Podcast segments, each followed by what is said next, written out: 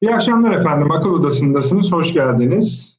Ee, özellikle İngiltere ve Amerika Birleşik Devletleri'nin salgınla mücadelesinde mücadele ediyoruz ama gelen rakamlar son derece yüksek. Buna Rusya da eklendi. Hatta işte Amerika Birleşik Devletleri'ndeki insan kayıplarının inanılmaz rakamlara ulaştığı ve hiçbir şekilde gerilemediği gözüküyor. İngiltere şu anda Avrupa'nın en çok insan kaybeden ülkesine, ülkesine dönüştü. Rusya'da da durum öyle. Rusya'da artık şöyle bir çirkinlik başladı. Örneğin bazı hekimlerin ölmeye başladı. Yani koronavirüsten değil. Yani öldürüldüğü söyleniyor. Ee, çok katlı apartmanlardan atıldığı söyleniyor. Özellikle kendileri sosyal medya üzerinden yayın yapan hekimlerin bir süre sonra e, ortadan kayboldu. Bu ortadan kaybolma lafı da zaten tipik Sovyetler Birliği usulüdür, üslubudur. Sadece durumun ne, e, nasıl söyleyeyim nezaketsizliğini göstermek açısından ama birçok ülkede de iyileşme devam ediyor. Bunların başında da Türkiye geliyor. Türkiye e, salgınla mücadelesinde bambaşka bir aşamaya geçti. İkinci aşama olarak tarif ediyor devlet bunu.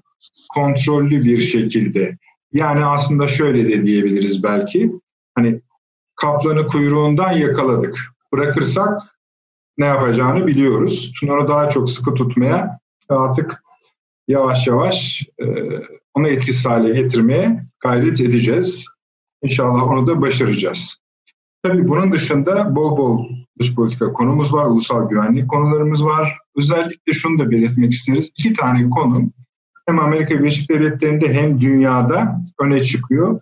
Amerika Birleşik Devletleri'nde öne çıkan konu seçim. Anlıyoruz ki artık Amerika Birleşik Devletleri'nde seçim dışında hastalıktan hayatını kaybeden insanlar dahil hiçbir şeyin önemi yok. Pazarlıklar mı isterseniz, kavgalar mı isterseniz, dış meseleleri içeriye yıkmak mı istersiniz, iç meseleleri dışarıya yıkmak mı istersiniz? Bu bir. Zamanla yani dünya e, önümüzdeki birkaç hafta içinde tamamen salgından sırılmaya başladıktan sonra herkesin gözünü oraya döneceği açık. İkinci konu ise ekonomi meselesi. Ekonomi meselesi bundan önce de e, dünya politikalarını, Türkiye dahil bölge politikalarını çok etkileyen bir unsurdu. Bu sefer daha da yükselmiş görüyor. Böyle ufak ufak işaretler var. Ufak ufak derken salgından önce büyük işaretler vardı. Salgınla daha da büyük işaretlere dönüştü. Bugün yeni duruma göre pozisyon alma. Mesela hep konuşuyoruz. Yine Süleyman Hoca belki bugün bahseder. Mesela Çin başka bir para haline geçmeye başladı. Yani örneğin bazı Amerikan firmalarıyla kendi takdir ettiği para birimi üzerinden pazarlıklar yapmaya başladı. Şimdi onun bir ismi de var konuşuyoruz edeceğiz. Bu haberler yoğunlaştı. Bazı Çin şirketleriyle, holdingleriyle gibi. Amerika'da ise durum, onun rakamlarını biraz sonra tartışma içinde vereceğim, iyice bozulmaya başlamış gözüküyor. Geçen programda biraz bahsetmiştik. O rakamları da revize etmek gerekecek galiba. Ve biz tabii bunları konuşuyoruz, ediyoruz. Sanki bu ülkelerde olanlar, bilhassa Batı ülkelerinde olanlardan hani bakarak ha iyi oluyor öyle bir şey değil bu. Bunlar dünyada doğu batı fark etmez. Herkesi peşinden sürükler. Ancak bazı tablolar var. İşte kısmen bahsediyoruz. Şimdi doğu diye tarif edilen Asya ülkelerine bakıyoruz, Orta Doğu ülkelerine bakıyoruz. Bunlar neredeyse koronavirüsten yani büyük başarılarla çıkmış e, gözüküyorlar. Onlara da değineceğiz. Başka konular var. İsrail meselesi var. Bu James Jeffrey'den bahsetmiştik. Şimdi İsrail onun üzerine bir kat daha çıkmış gözüküyor. Mesela dün gece e, ABD'nin İsrail Büyükelçisi bu e, Batı Şeria'daki egemenliğini İsrail'in tanımaya hazırız dedi ABD'nin elçisi. Bunlar belli ki burayı daha e, kaşıyacaklar. Gel gelelim. Bilmem bizdeki normalleşmenin bir parçası mı sayılır ama e, biz yine salı günü biraz bahis etmiştik. Avni Bey açmıştı. Bu sefer daha kısa değineceğiz ama bu darbe tartışmaları meselesi kendi kendine alevlenmeye, sanki bir sonu üflüyormuş gibi közleri parlamaya devam ediyor. E, hükümet de buna karşı açıklamalar yapıyor.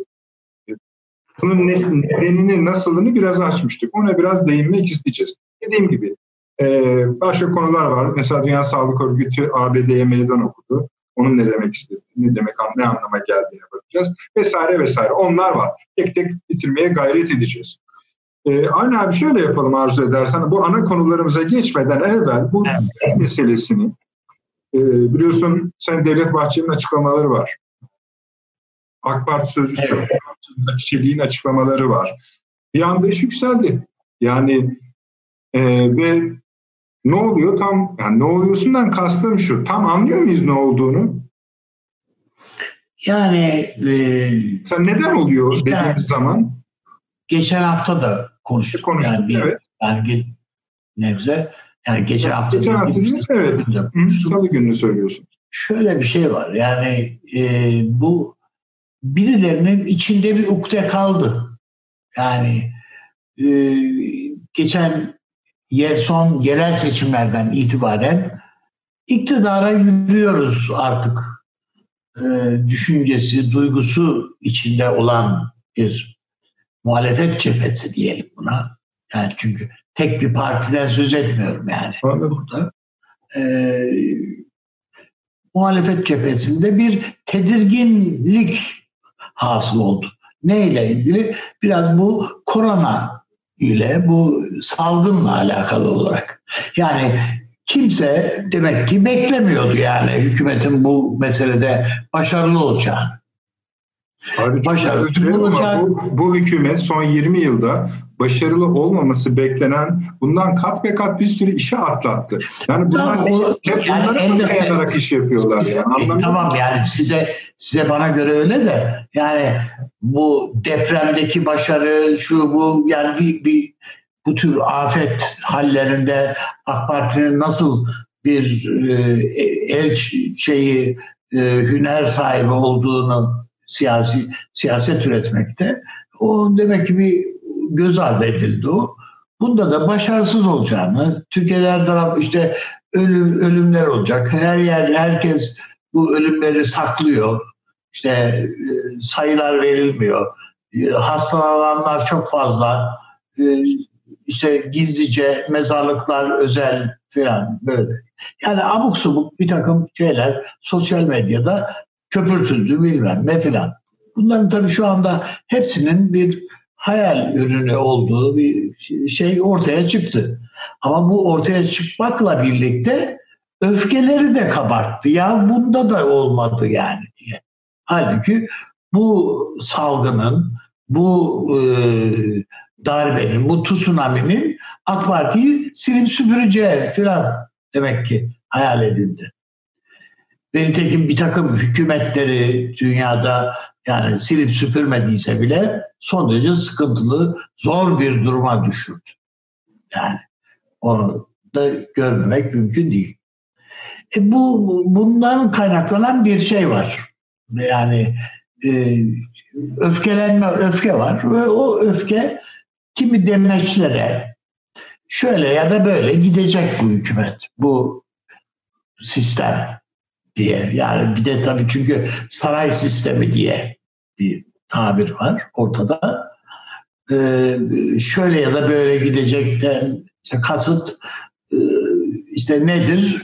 Zihinlerin gerisindeki bir bunu söyleyenler diyor ki hayır efendim biz darbeyi falan kastetmedik.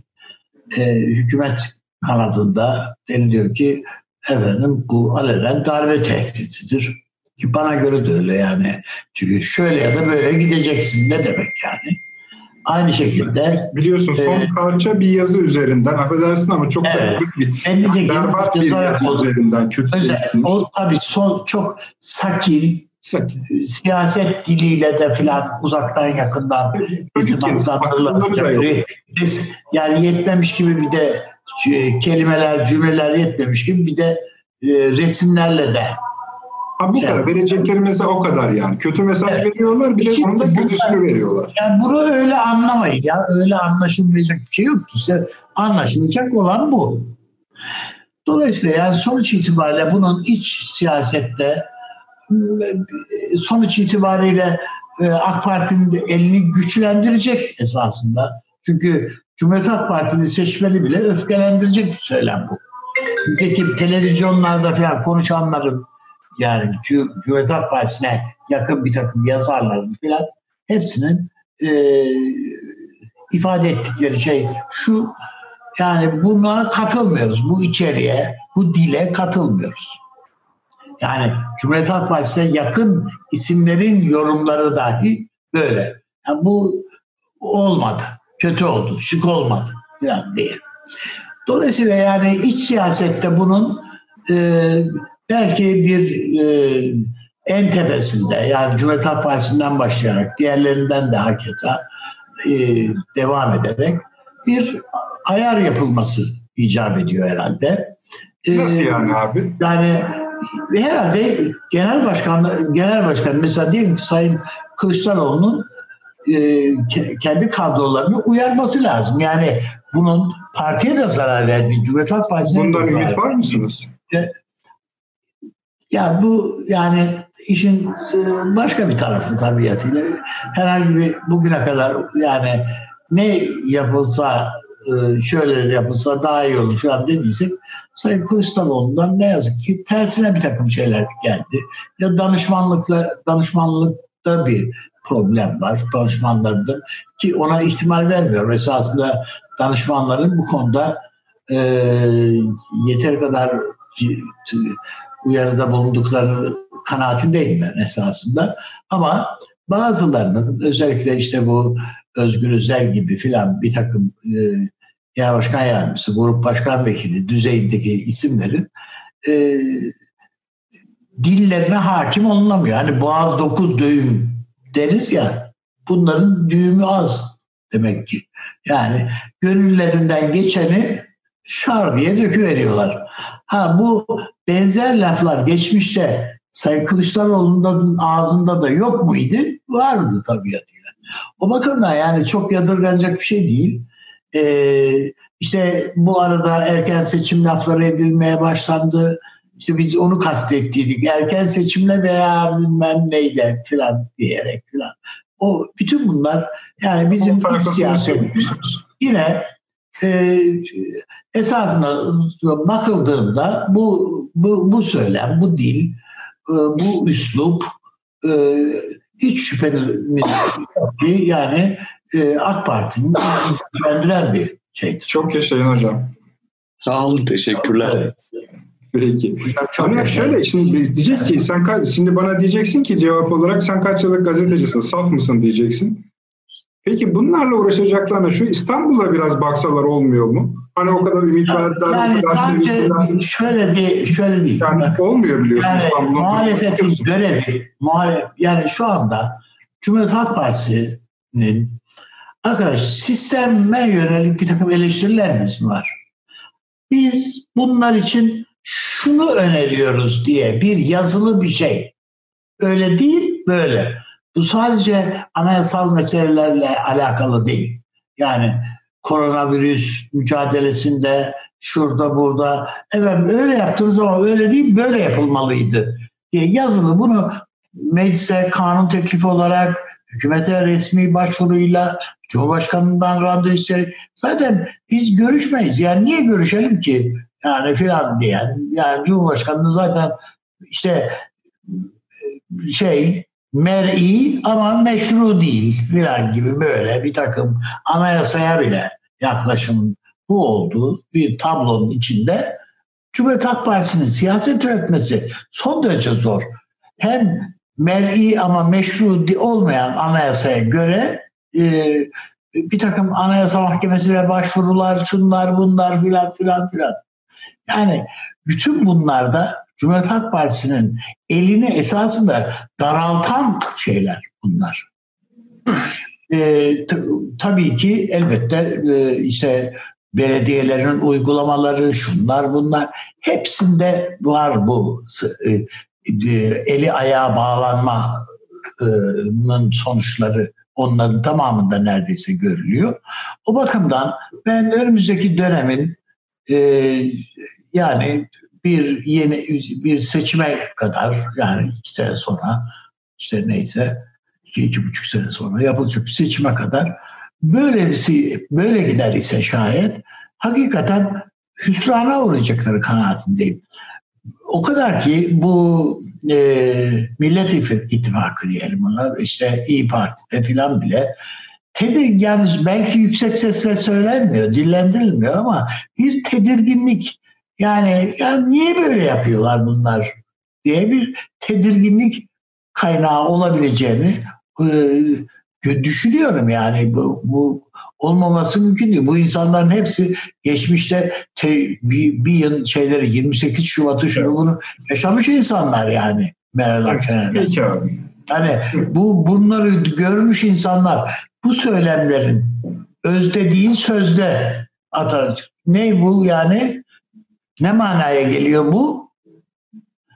Onun ne manaya geldiğini bilen insanın canım bunda yani öz dediği sözde ne demek yani? Yani bunda ne var? Alınganlık yapılacak. Değer mi? Kim diyebilir bunu? yani o, o bakımdan ben bizim iç siyasetimizin bu e, türlü şeylerle, Peki. söylemlerle Peki, hayır, kirlendiği aynen, aynen öyle. Evet. Kirlenmek bir tarafa bu kadar iş evet. güçle uğraşılıyor. Takip etmemiz gereken bölgede ve dünyada tabii, tabii, mesela. 50 bin tane iş var. Kendi yapmamız gereken işler var. Rakiplerimiz, evet. düşmanlarımız var. Bunlarla uğraşacağımıza işi gücü bırakıyoruz bütün ülke olarak. Bunlara yani bu bildiğin yani ayağa çimento dökmek. Yani neyse tamam. Peki. Çok yani güzel. bütün bunlar var yani. Efendim, Cumhurbaşkanlığı İletişim Daire Başkanı'nın e, evini takip etmek, işte öbürü bilmem ne. Yani bu, bu, bu bir ülkenin yönetimine talip bir partinin e, şeyleri değil yani. Bunlar meşgalelerinin bu olmaması lazım mesela öyle değil mi? Yani Cumhuriyet Halk Partisi ana muhalefet diyoruz. Yani muradınız neyse yani, buna uymuyor. Yani eğer, yani, eğer... yani o, onun dışında hani e, filanca kişiler bir şey gazeteci şu bu filan bir şeyleri yapabilir belki de ama böyle bir en üst düzeyde bunu e, şey yapmak, takibini yapmak, bunu bir ülke gündemi ne dönüştürmek, yapıştırmak filan. Ya bunlar bunların ben Cumhuriyet Halk Partisi eğer kendisine fayda getireceğini düşünüyor idiyse, düşünüyorsa ya bana göre bu bir e, hayal hanesini fazla zorlamak olur. Peki, teşekkür ediyorum. Süleyman Hocam, yani ben de emin olun bu, bu konuları çok yani çok değil, yani takip etmek istemiyorum. Hakikaten yani bütün meslek hayatımızda bu işlerle geç, geçti. Sonra fark ettik ki üzerimizdeki, başımızdaki tozu böyle silki batınca bunlardan oho dünya gitmiş biz nerede kalmışız. Onun için mümkün mertebe odaklarımı e, kaybetmemeye, kaçırmamaya çalışıyorum. Ama eğer arzu ederseniz yine siz de bir iki cümle edebilirsiniz. Fakat asıl şuradan başlamak istiyorum. Şimdi salı günü bir girizgah yapmıştık biliyorsunuz. Şöyle bir durum var şimdi. Biraz ABD ekonomisinden bahsetmiştik. Ee, şimdi 4.8 daraldı demiştik o zaman. Hatırlıyorsunuz. Ee, aynı dönemde Çin yani ilk çeyrekte 6.8 daraldı.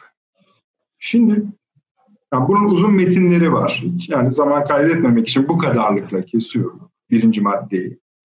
Bu ikisi bir araya geldiğinde yani efendim Amerika 5 daralmış, şey 7 daralmış deyip işi bağlayıp çıkamıyorsunuz. Çünkü ikisinin toplamı 12'lik bir daralma falan değil. Yani bu ikisinin arasında kalan her şeyi ekonomik olarak ezer bu. İşaretleri de gelmeye başladı. Yani benim ekonomim güçlü, ben kurtarırım, murtarırım olmaz. Böyle bir şey bu. Zaten baştan beri dikkat noktalarımızdan birisi buydu. Şimdi bunu cepte tutarak ikinci konu da şu. Biz hep bu yeni dönemde işte e, özellikle batı tipi paranın nasıl dolarizasyon meselesini konuşuyoruz ya. Buna karşı kimi denemelerin olduğunu da bahsediyoruz. Burada son iki üç gündür somut şeyler gelmeye başladı. İşte mesela Çin'in yeni bir e RMB diyeyim öyle söyleyeyim. RMB, elektronik Çin yuanı. Bu bilinmeyen bir şey değil. Ama bunun hayata geçirilmesi noktasında adım attığı anlaşılıyor. Maaşların öyle ödeneceği. Kış olimpiyatları var biliyorsunuz. Orada bu paranın kullanılacağı. İsim vermeyeyim ama seyircilerimiz hemen anlayacaktır. Büyük bir hamburger, dünya çapında bir hamburgerci markası ve dünya çapında bir e, kahve markası olan, bizde de herkes anlamıştır. bunlarla bu ödemeleri onlarla yapmamız, yapmaları konusunda anlaşmalar oldu falan filan. Ve tabii sonunda ona paylaşacağım sadece bu bölümü. China Daily efendim bir haber yayınladı. Dedi ki e, bağımsız bir dijital para olarak ERMB'nin dolar takas sistemine işlevsel bir alternatif sunmakta e, bu para. Yani asıl meseleleri bu. Tekrar ediyorum. Dolar takas sistemine işlevsel bir alternatif sunmak. Hem şirket hem ülke düzeyinde herhangi bir yaptırım ve veya dışlanma tehdidinin etkisini köreltmek.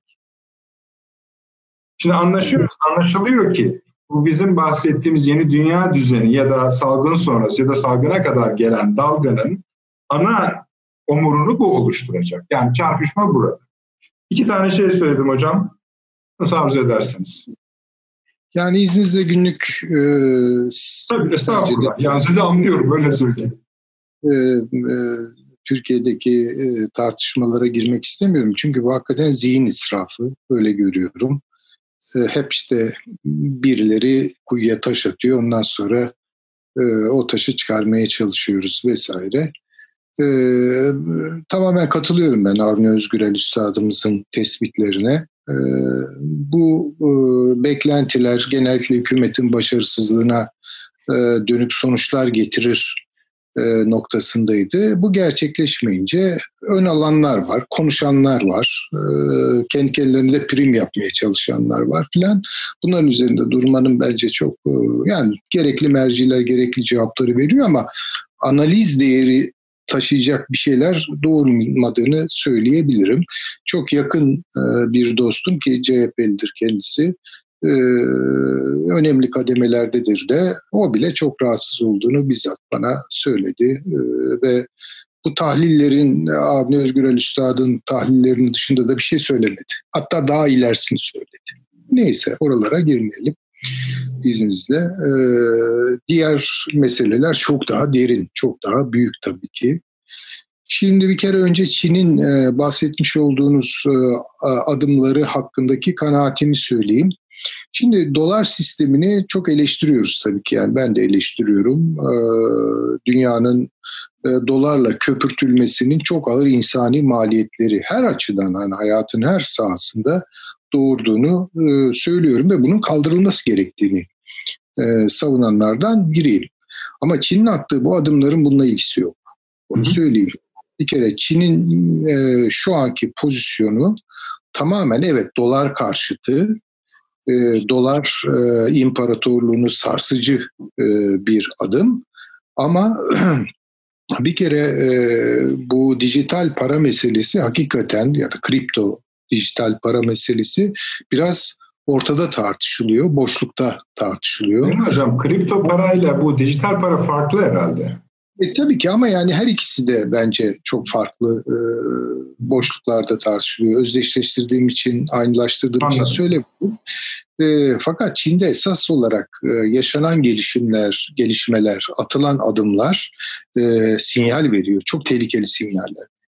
Yani yağmur e, yağmurdan kaçarken doluya tutulmayalım e, babından söylüyorum bunu. bir kere merkezi bir para e, ve dijital bir kontrol network üzerinden götürülüyor ve bence insanın nesneleşme tarihine eklenmiş ağır bir chapter. Ağır, ağır bir chapter bunun insanlığa kaybettireceği şeyleri ayrıca konuşabiliriz. Buna bir değil birkaç program e, bence yetmez. E, dolayısıyla orası bir laboratuvar gibi çalışıyor şu anda. Yani dolar sonrası post dolar bir dünyada e, böyle bir sistem hayata geçirilebilir. Bu sadece Çin'de sınırlı olmaz. Bütün bir dünyaya sari kılınabilir. Ee, ve e, sadece Çin değil, Çin toplumu değil, bütün insanlık bunun altında kalır. Onu söyleyeyim. Hiç hayra yormuyorum. Ama mesela Şangay Altın Borsası'nın şekillendirilmesi, e, teşekkül ettirilmesi ve altın garantili yuan ödemeleri rejimi olumlu gördüğüm bir şey, müsbet gördüğüm bir şey. E, ülkeler arası, toplumlar arası ticarette, uluslararası ticarette farklı para birimlerinin kullanılmaya çalışılması, yani o dolar network'ünü delmek adına e, bu önemli bir adım. E, bunları e, doğrusu heyecan verici buluyorum ama Çin'in bu son adımları bununla ilgili değil. Onu söyleyeyim yani. Neyle ilgili? Yani dolardan kaçıp şey, yağmurdan kaçıp e, doluya tutulmanın alametlerini gösteriyor. Çin insanlığın yaşadığı yabancılaşma tarihini adeta yırtarak gelişiyor. Bu çok çok çok tehlikeli bir şey. Ne demek bu? Yani birleştirerek gelişiyor. Ee, bu, bu çok çok tehlikeli bir şey. Ee, onun için hani dijital para ekonomisi nasıl olacak, nasıl işleyecek, bunun ekonomik normları, politik, hukuki normları neler olacak? Bu çok uzun pazarlıkların, çok uzun e, tartışmaların sonucunda bir neticeye bağlanabileceğini düşünüyorum ben. Eğer hani burada da tabii adil bir e, temsiliyet ve katılım olursa dünya uluslarından gelirse e, bu olur mu olmaz mı onu da bilmiyorum ama biz yaptık oldu bittiyle götürülen işler var bugün dünyada ve bunlar çok tehlikeli şeyler. Yani onun için e, heyecan verici bulmuyorum. Yani eğer dolar karşıtı hislerimi e, merkeze koyarsam oh dolara bir darbe ama mesele onda sınırlı değil bence. Çok daha beterini e, hazırlayan bir sistem olduğunu düşünüyorum. Bunu biraz açın ne olur? Yani ne, ne demek istiyorsunuz? Yani e, mesela buna göre doları mı yeğleriz? Hayır öyle bir tel, yani o şekilde koymam ben. Bir kere doların e, mevcut imparatorluğunu ayağa kaldırmak, yeniden bunu bütün kurum ve kuruluşlarıyla işler hale getirmek, dünya rezerv parası olarak doları yeniden şahlandırmak bunun bir tek yolu var. Çok tehlikeli bir yol savaş. Yani bunu yaparlarsa bilemem. Yani o korkunç bir şey olur. Ama işte e, özendirici önlemlerle işte ya da yarı zecri tedbirlerle işte bir takım e, e, ne diyelim işte o bataklığı kurutmak diye adlandırdığı şeyler var. E, Amerika'da bu derin müesses nizamın güçlerinin bu yolda attığı adımlarla bu sonucu elde edebileceklerini zannediyorlarsa edemezler. Yani Peki bu yani güzel yani şöyle yapalım heyecanlı bir yerde bırakmış olun.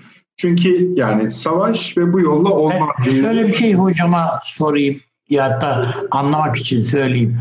Ee, zannediyorum hocamın itirazı e, tek bir ülkenin kendi para birimi üzerinden bu Amerika Birleşik Devletleri'ni kastediyorum. Kendi parası üzerinden bütün dünyayı şey yapabilmesi, kontrol altına da tutma iddiasının bunu ister Amerika yapsın bu iddiayı taşısın, ister Çin yapsın. Aralarında herhangi bir fark yoktur. Yani dolar yerine yuanı koymak mücadelesi değil bu. Bu doğrudan doğru o sistemin, e, o anlayışın, o zihniyetin bütününe yönelik bir itiraz. Yanlış mı anlıyorum hocam?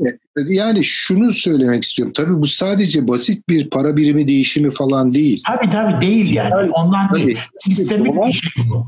Tabii dolar sistemi esas olarak esas olarak sanayi toplumunun düzenidir. Evet. Yani doları var eden şey sanayi toplumudur. İşte enerji ihtiyaçları vardır. İşte petro doları kurarsınız. Efendim girişim yapmak isteyen sanayiciler vardır. Bunlara kredi sağlarsınız vesaire yani. Ama dijital para dönüşümü bambaşka bir ekonominin e, tamam işaretlerini taşıyor. ha, onun ne olacağı meselesi. Eğer bu yeniden merkezi bir takım yapılara eklemlenmiş olarak gelirse karşımıza dolar sistemini mumla ararız. Tamam. Ha bu dağıtık, bu eğer dağıtık ve merkezi olmayan bir yapılanmaya doğru giderse ki bu ancak uluslararası bir zeminde uzun uzun tartışılarak kurumsallaştırılabilecek olan bir şey. Bir tür dünya ekonomik anayasası gibi. Ha o zaman mesele yok. Yani o zaman başka şeyleri konuşabiliriz. Peki. Yani şöyle bu, bu belli ki sadece pratiğinde değil teorisinde de daha anlaşamadığımız yerler var ama bunu ne kadar konuşursak iyidir. Yaşans Hocam tuttuğunuz yerden devam edin bence. Şöyle söyleyeyim e, Nedret Bey. Şimdi bu e, Çin'in açıklamaları ilk başta hani e, çok basit bir şekilsel değişiklik gibi görünüyor aslında. Hani nedir? Eskiden sikke vardı. Ondan sonra işte banknot icat oldu. Yani bir mübadele aracı olarak para e, paranın karşılığında bir mal alıp verme çerçevesi. Bu iktisat teorisinde e, yani iktisat tarihinde, iktisat teorisinde para teorisi önemli bir yer tutar. İşin açıkçası benim de en zayıf olduğum, e, işte anlayamadığım, hala da kafamı çok çok karıştıran konulardır ama e, birkaç tane küçük ekleme yapayım sadece. E, yani bu e, her ne kadar basit bir işte eskiden kağıt para kullanıyorduk, şimdi onun yerine dijital para kullanıyoruz gibi gözükse de bunun ötesinde başka bir derdi var Çin'in. O da şu aslında. Ee, her ne kadar küresel ticaretin önünde engel olmadığını, olmamasını isteyen bir siyasi tavra sahip olsa da yaptığı şey e, kendisinin elinde olmayan e, merkezi küresel ticareti sürdüren dolar sistemine darbe vurabilmek için paralel bir para sistemi kurmak ama bunu da ulusal bazda yapmaya çalışıyor. Yani bu şu demek, e, daha rahat anlaşılması için söyleyeyim. Elinizde bir tane kart var e, restoranda geçiyor bu kart. Siz o kartla yemeğinizi yiyebiliyorsunuz. Ama sonra üstüne bir kahve içmek istiyorsunuz. Kahveci o kartı kabul etmiyor. Mecburen kahvecinin istediği kartı da almak zorundasınız. Değil mi? Şimdi bu e, konvertibilite denen şey, para transferi denen şey zaten uluslararası ticaret üstüne oturduğu şeydir. Çin bunda bir gedik açmaya çalışıyor aslında. Yani bu Çin'de geçerli olan para burada birikecek. Peki soru şudur. Bu elektronik yuan Elinizde birikti bin elektronik yuanınız. Bununla dolar almak istiyorsunuz. Ne yapacaksınız? Diyor ki alma. İşte alma diyor, Al. alma diyor mu hocam? Alma şöyle diyor. Sonuçta iş oraya geliyor. Tabii ki alma demiyor açık açık ama sen diyor burada da ayrı bir cep tut. Bu bakın küresel e, uluslararası ekonomik sisteme vurulan bir darbedir aslında. Yani bu e, yani dolar sistemi tamam, çöküyor. E, şu olmuş, ticaretin olmadığı bir dünya fakirler. Fakirleyen bir dünya çatışır. Yani bu tamam siz devam edin. Yani fakirleme e, fakir yani şöyle söyleyeyim bu yüzyılların olayıdır hani kur, para kuru, paranın transferi ve paranın konvertibilitesi. Yani işte atıyorum bir Venedik dükası, dükası kaç Osmanlı sikkesi eder? Bu, bu önemli bir sorundur her zaman için ve bunu insanlık 20. yüzyılda işte bir şekilde dolara sabitledi. Evet çok e, can sıkıcı tarafları vardır dolar sisteminin. Ben de katılıyorum Süleyman Seyfi Hoca'ya. Yani hiç e, şeyim yok. E, en ufak bir şerhim yok e, eleştirilerde. Ancak çok açık bir şey var. Bunun yerini alacak yeni bir şey ortada yok. Bakın bu yaptığı da dolar sistemine alternatif yeni bir şey yaratmak değil aslında. Sadece var olanı yıpratma yani yıpratma savaşı vermeye başladı. Nasıl hocam bu, bu uzun zamandır e, tasarlanan herkesin aklında olan bir şeyin Çin'e ait parçasının girizgahı gibi duruyor. Ruslar da bunu düşünüyorlar, Hintliler de bunu düşünüyor, Türkler de düşünüyor. Düşün. Ya bakın önünde sonunda küresel bir sistem kurmadığınız müddetçe bu sadece gedi kaçar Nedret Bey. Söylemeye çalıştığım şey Mesela Türkiye Rusya arasında deniyor işte ruble ve TL ile ticaret yapalım. İyi yapalım. Hı hı. E, uyduruyorum şu an rakamları ama biz 2 milyar dolarlık mal satıyoruz. Hı hı. Ruslar bize 10 milyar dolarlık mal satıyor. Hadi biz onu rubleyle ödedik. E geri kalanlardaki fark ne olacak? Nereden bulacak rubleyi, Türk lirasını? Bakın bu sıkıntı budur. Yani e, sistem artık küresel, sistemden kastım insanlık küresel yaşıyor ve bu tedarik zincirleri birbirine çok bağlı ve bir şekilde doların kontrolü altında. Şimdi bunu yıkıp yerine ben yuvanı koydum diyemiyor kimse. Yani Çin bunu söyleyemiyor. Bu gücü yok ya da başka bir ülke işte atıyorum Somali e, bu, bunu söyleyemiyor. Bunu söyleyebilecek kimse yok dünyada. Bunu söyleyebilecek durumda değilseniz yıpratmaya çalışırsınız. Çin'in yapmaya çalıştığı şey de bu. Bir paralel kendi bölgesine ait bir ülkesellik, farklı ülkesellik yaratmaya çalışıyor. Zaten Çin'in adı da biliyorsunuz işte Zhongdua'dır, beş ülke beş tane ülkenin e, kendi içinde bir e, yerel sistem, alternatif bir sistem yaratma çabası bu. E, o anlamda hani çok çok doların böyle yakın vadede ortadan kalkacağı şeylerine kapılmamak lazım. Ama uluslararası ticaretin sekteye uğraması konusunda önemli bir adımdır diye düşünüyorum ben. Dolarla ilgili şu var. Bir kere yani dolar sisteminin çöküşü ben kaçınılmaz görüyorum. Şöyle kaçınılmaz görüyorum. Çünkü dolar üzerinden artık çevrimler dönmüyor. Yani ödemeler dönmüyor ve olağanüstü bir borç sistemi kurmuş vaziyette dolar dünyada. Doğru, doğru. Yani bu sadece e, ulusları değil devletleri ve şirketleri de ilgilendiren bir mesele. Yani bütün varlıkları borçlandırarak gelişiyor. Şimdi bu evet dönemsel olarak e, Amerika Birleşik Devletleri'ndeki refahı sağlamıştır vesaire ama bunun çevrimleri artık aksadığı için bunu gidermek adına yapılabilecek birkaç kalemlik iş var. Ya yeni dolar basarsınız bu doların çöküşünün biraz geciktirilmesidir belki ama çok da artık işlevsel bir çözüm yolu değildir. Peki Çünkü attığınız parayı aynı zamanda çekmek durumundasınız ki denge yaratabilirsiniz piyasada. Artık bu mümkün değil. Bakınız yani katrilyonlarca dolarlık borçlar var dünyada. Siz Peki, istediğiniz kadar... Hocam şöyle yapalım müsaade ederseniz. Kesiyorum çok özür dilerim ama. Yani bu, bunu konuşacağız. Aynen kaldığınız cümleden, konudan bile aynen kaldığınız cümleden devam edeceğiz. Ben de şu kadarını söyleyeyim. Hani araya gitmeden evvel üç konuşmacıya aynı anda kısmen katıldım ilk katılmadım ilk program oluyor. Öyle de bir durum var. Onları da söyleyeceğim demişti. Peki efendim. Bir ara veriyoruz hemen döneceğiz. Döndük efendim akıl odası devam ediyor. Süleyman hocamızda kalmıştık. Taşan Hoca'nın da e, şeyleri var. E, ekleyeceği parçalar var ama her ikisine de bir iki şey söylemek istedim. Hani sorulara ek yapmak isterim. Süleyman Hocam, Dolarizasyondan şikayetiniz büyük. Hatta onun geleceğine ilişkin ümitleriniz de yok. Çökeceğini düşünüyorsunuz. En, en nasıl söyleyeyim yalın anlatımı bu. Yani en öz anlatımı bu. Ancak Çin üzerinden gelen yeni bir sisteme karşı itirazınız olduğu anlaşılıyor. Bunu da teknik nedenle değil, sanki daha çok ideolojik bir nedenle yapıyor gibisiniz. Birincisi, yani sizin sorunuz olsun. Sorunuz olsun. Siz dilediğiniz gibi. Yani ideolojik bir gerekçeyle yapmıyorum. Ee, daha çok moral e, gerekçeleri Ahlak. var. Tamam peki. Öyle olsun. Taşans hocamız, hocamıza da şimdiden söyleyeyim. Ona e, geldiğimizde onun da şunu rica edeceğim cevaplamasını. Şöyle bir tarif kurdunuz. Dediniz ki bu bir iç sistem. Dijital parası. Ben de şunu anlamıyorum. Şimdi bu e, Çin ulusal para birimine etiketlenmiş bir şey. Yani ekonomistlerin tarifiyle sabitlenmiş bir şey. Yani sanki iki para var gibi. Bunu niye yapsın ki Çin eğer dışarıda bunu kullanmayacaksa?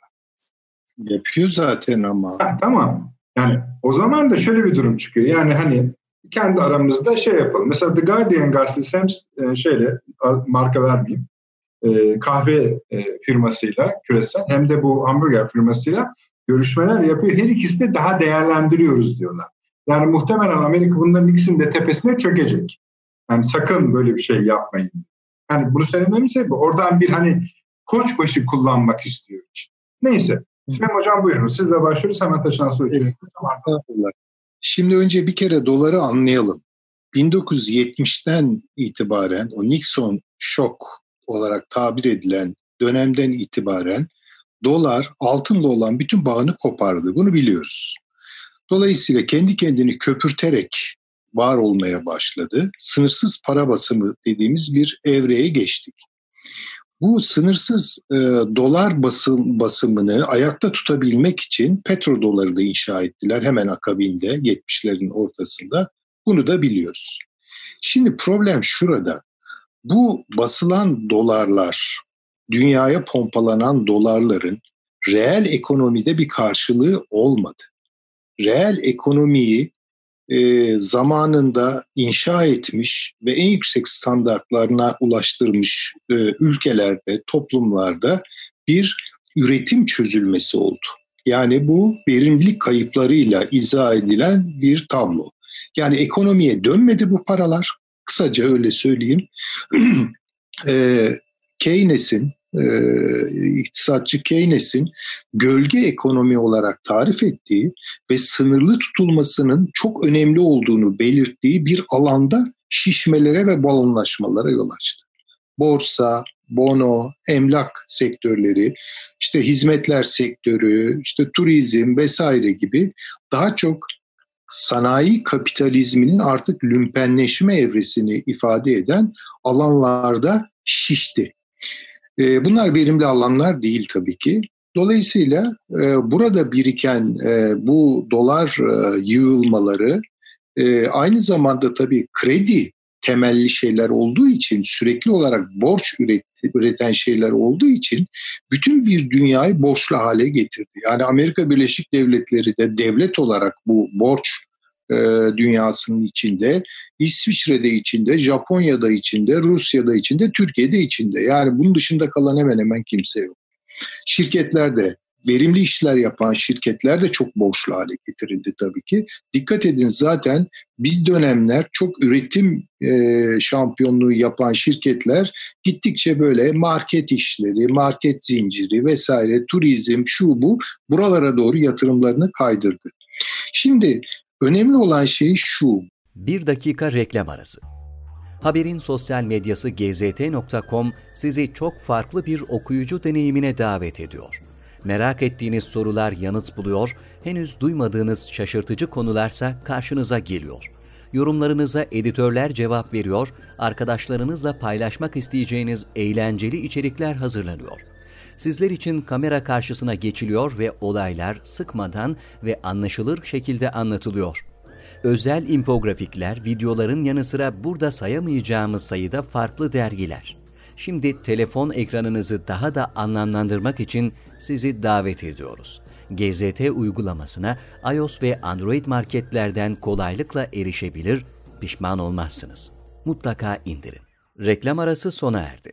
Bu doların e, çevrimlerini, borç çevrimlerini artık çeviremez hale geldiği noktada doların e, çöküşü kaçınılmaz. Bunu biliyoruz.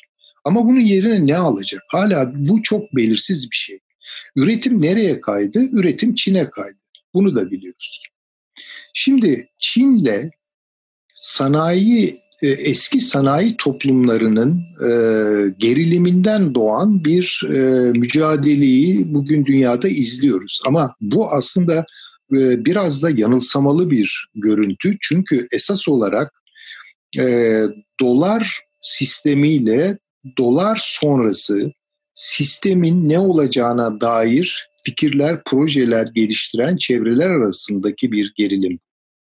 Bunu da görmek durumundayız. Karşımıza Amerika Birleşik Devletleri Çin gerilimi olarak çıkabilir. Bu hiç önemli değil.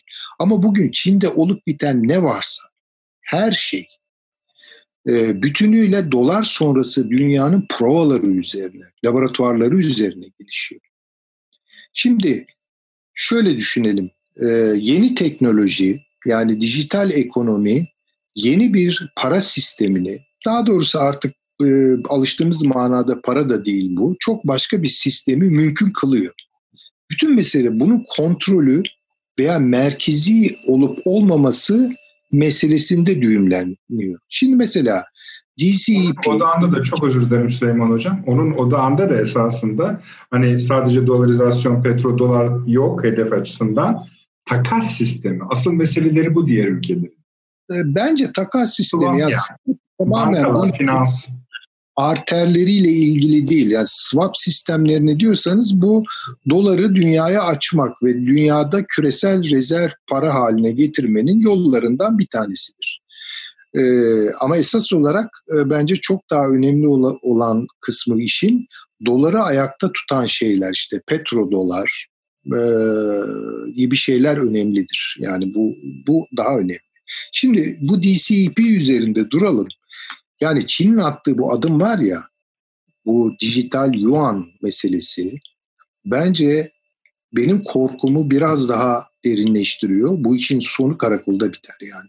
Bunu bir kere Amerika Birleşik Devletleri'nin sindirmesi, kabul etmesi mümkün değil. Yani dolar şu an perişan durumdadır, borsalar perişandır, şudur budur ama bunu adeta böyle hani nasıl söyleyeyim kanırtan, bunu adeta derinleştiren, yarayı böyle deşen bir gelişme olarak e, düşünüyorum ve buna karşı Amerika muazzam bir refleks verecektir.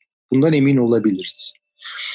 Çünkü Yuan'ın yani bu e, DCEP'nin şöyle bir özelliği var. Bunu önce altına endeksli kılıyorlar. Yani diyor ki valla altın karşılığı garanti var. Dolayısıyla bu sınırsız para basımının önüne alacağız. Yani Amerika'nın yol açtığı o sınırsız para basma işine karşı sınırlı para sistemine geçiyor izlenimini veriyor. Gerçekten de böyle.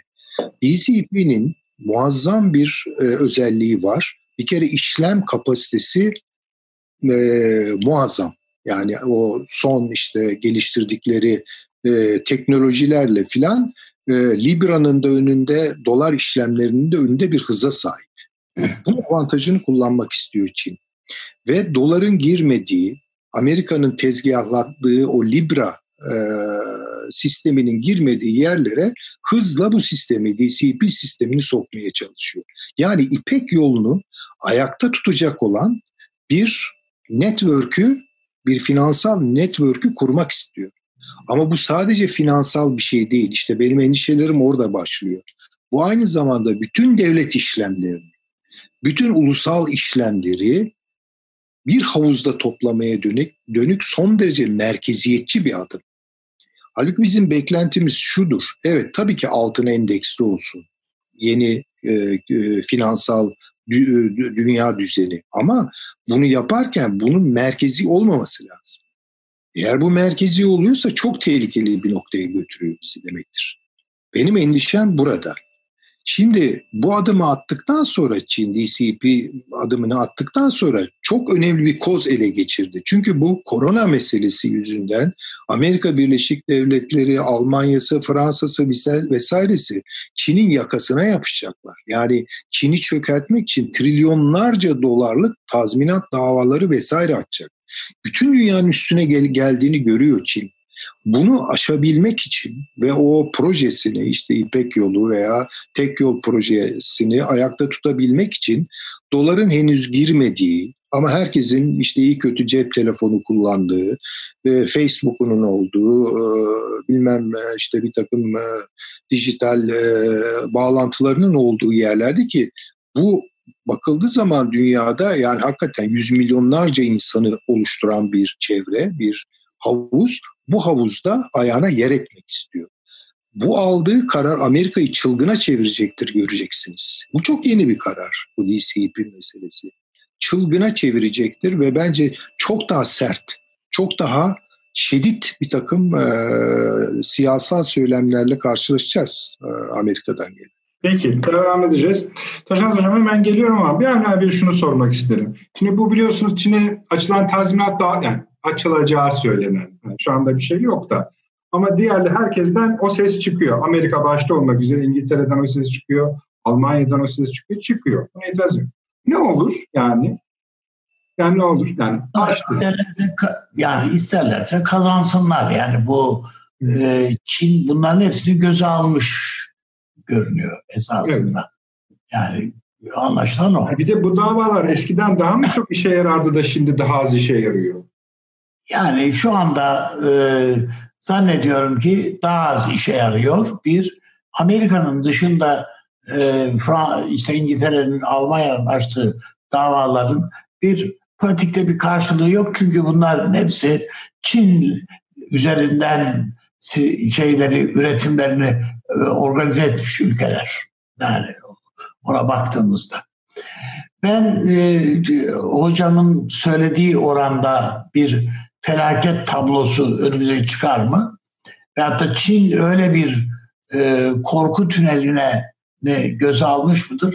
Ona pek ihtimal vermiyorum. Yani şu manada söylüyorum. Şimdi bir hamburger firması yani bu Amerika'nın en ünlü firması Çin'deki bir olimpiyatta e, Çin dijital yuanının kullanılmasını e, kabul eder mi?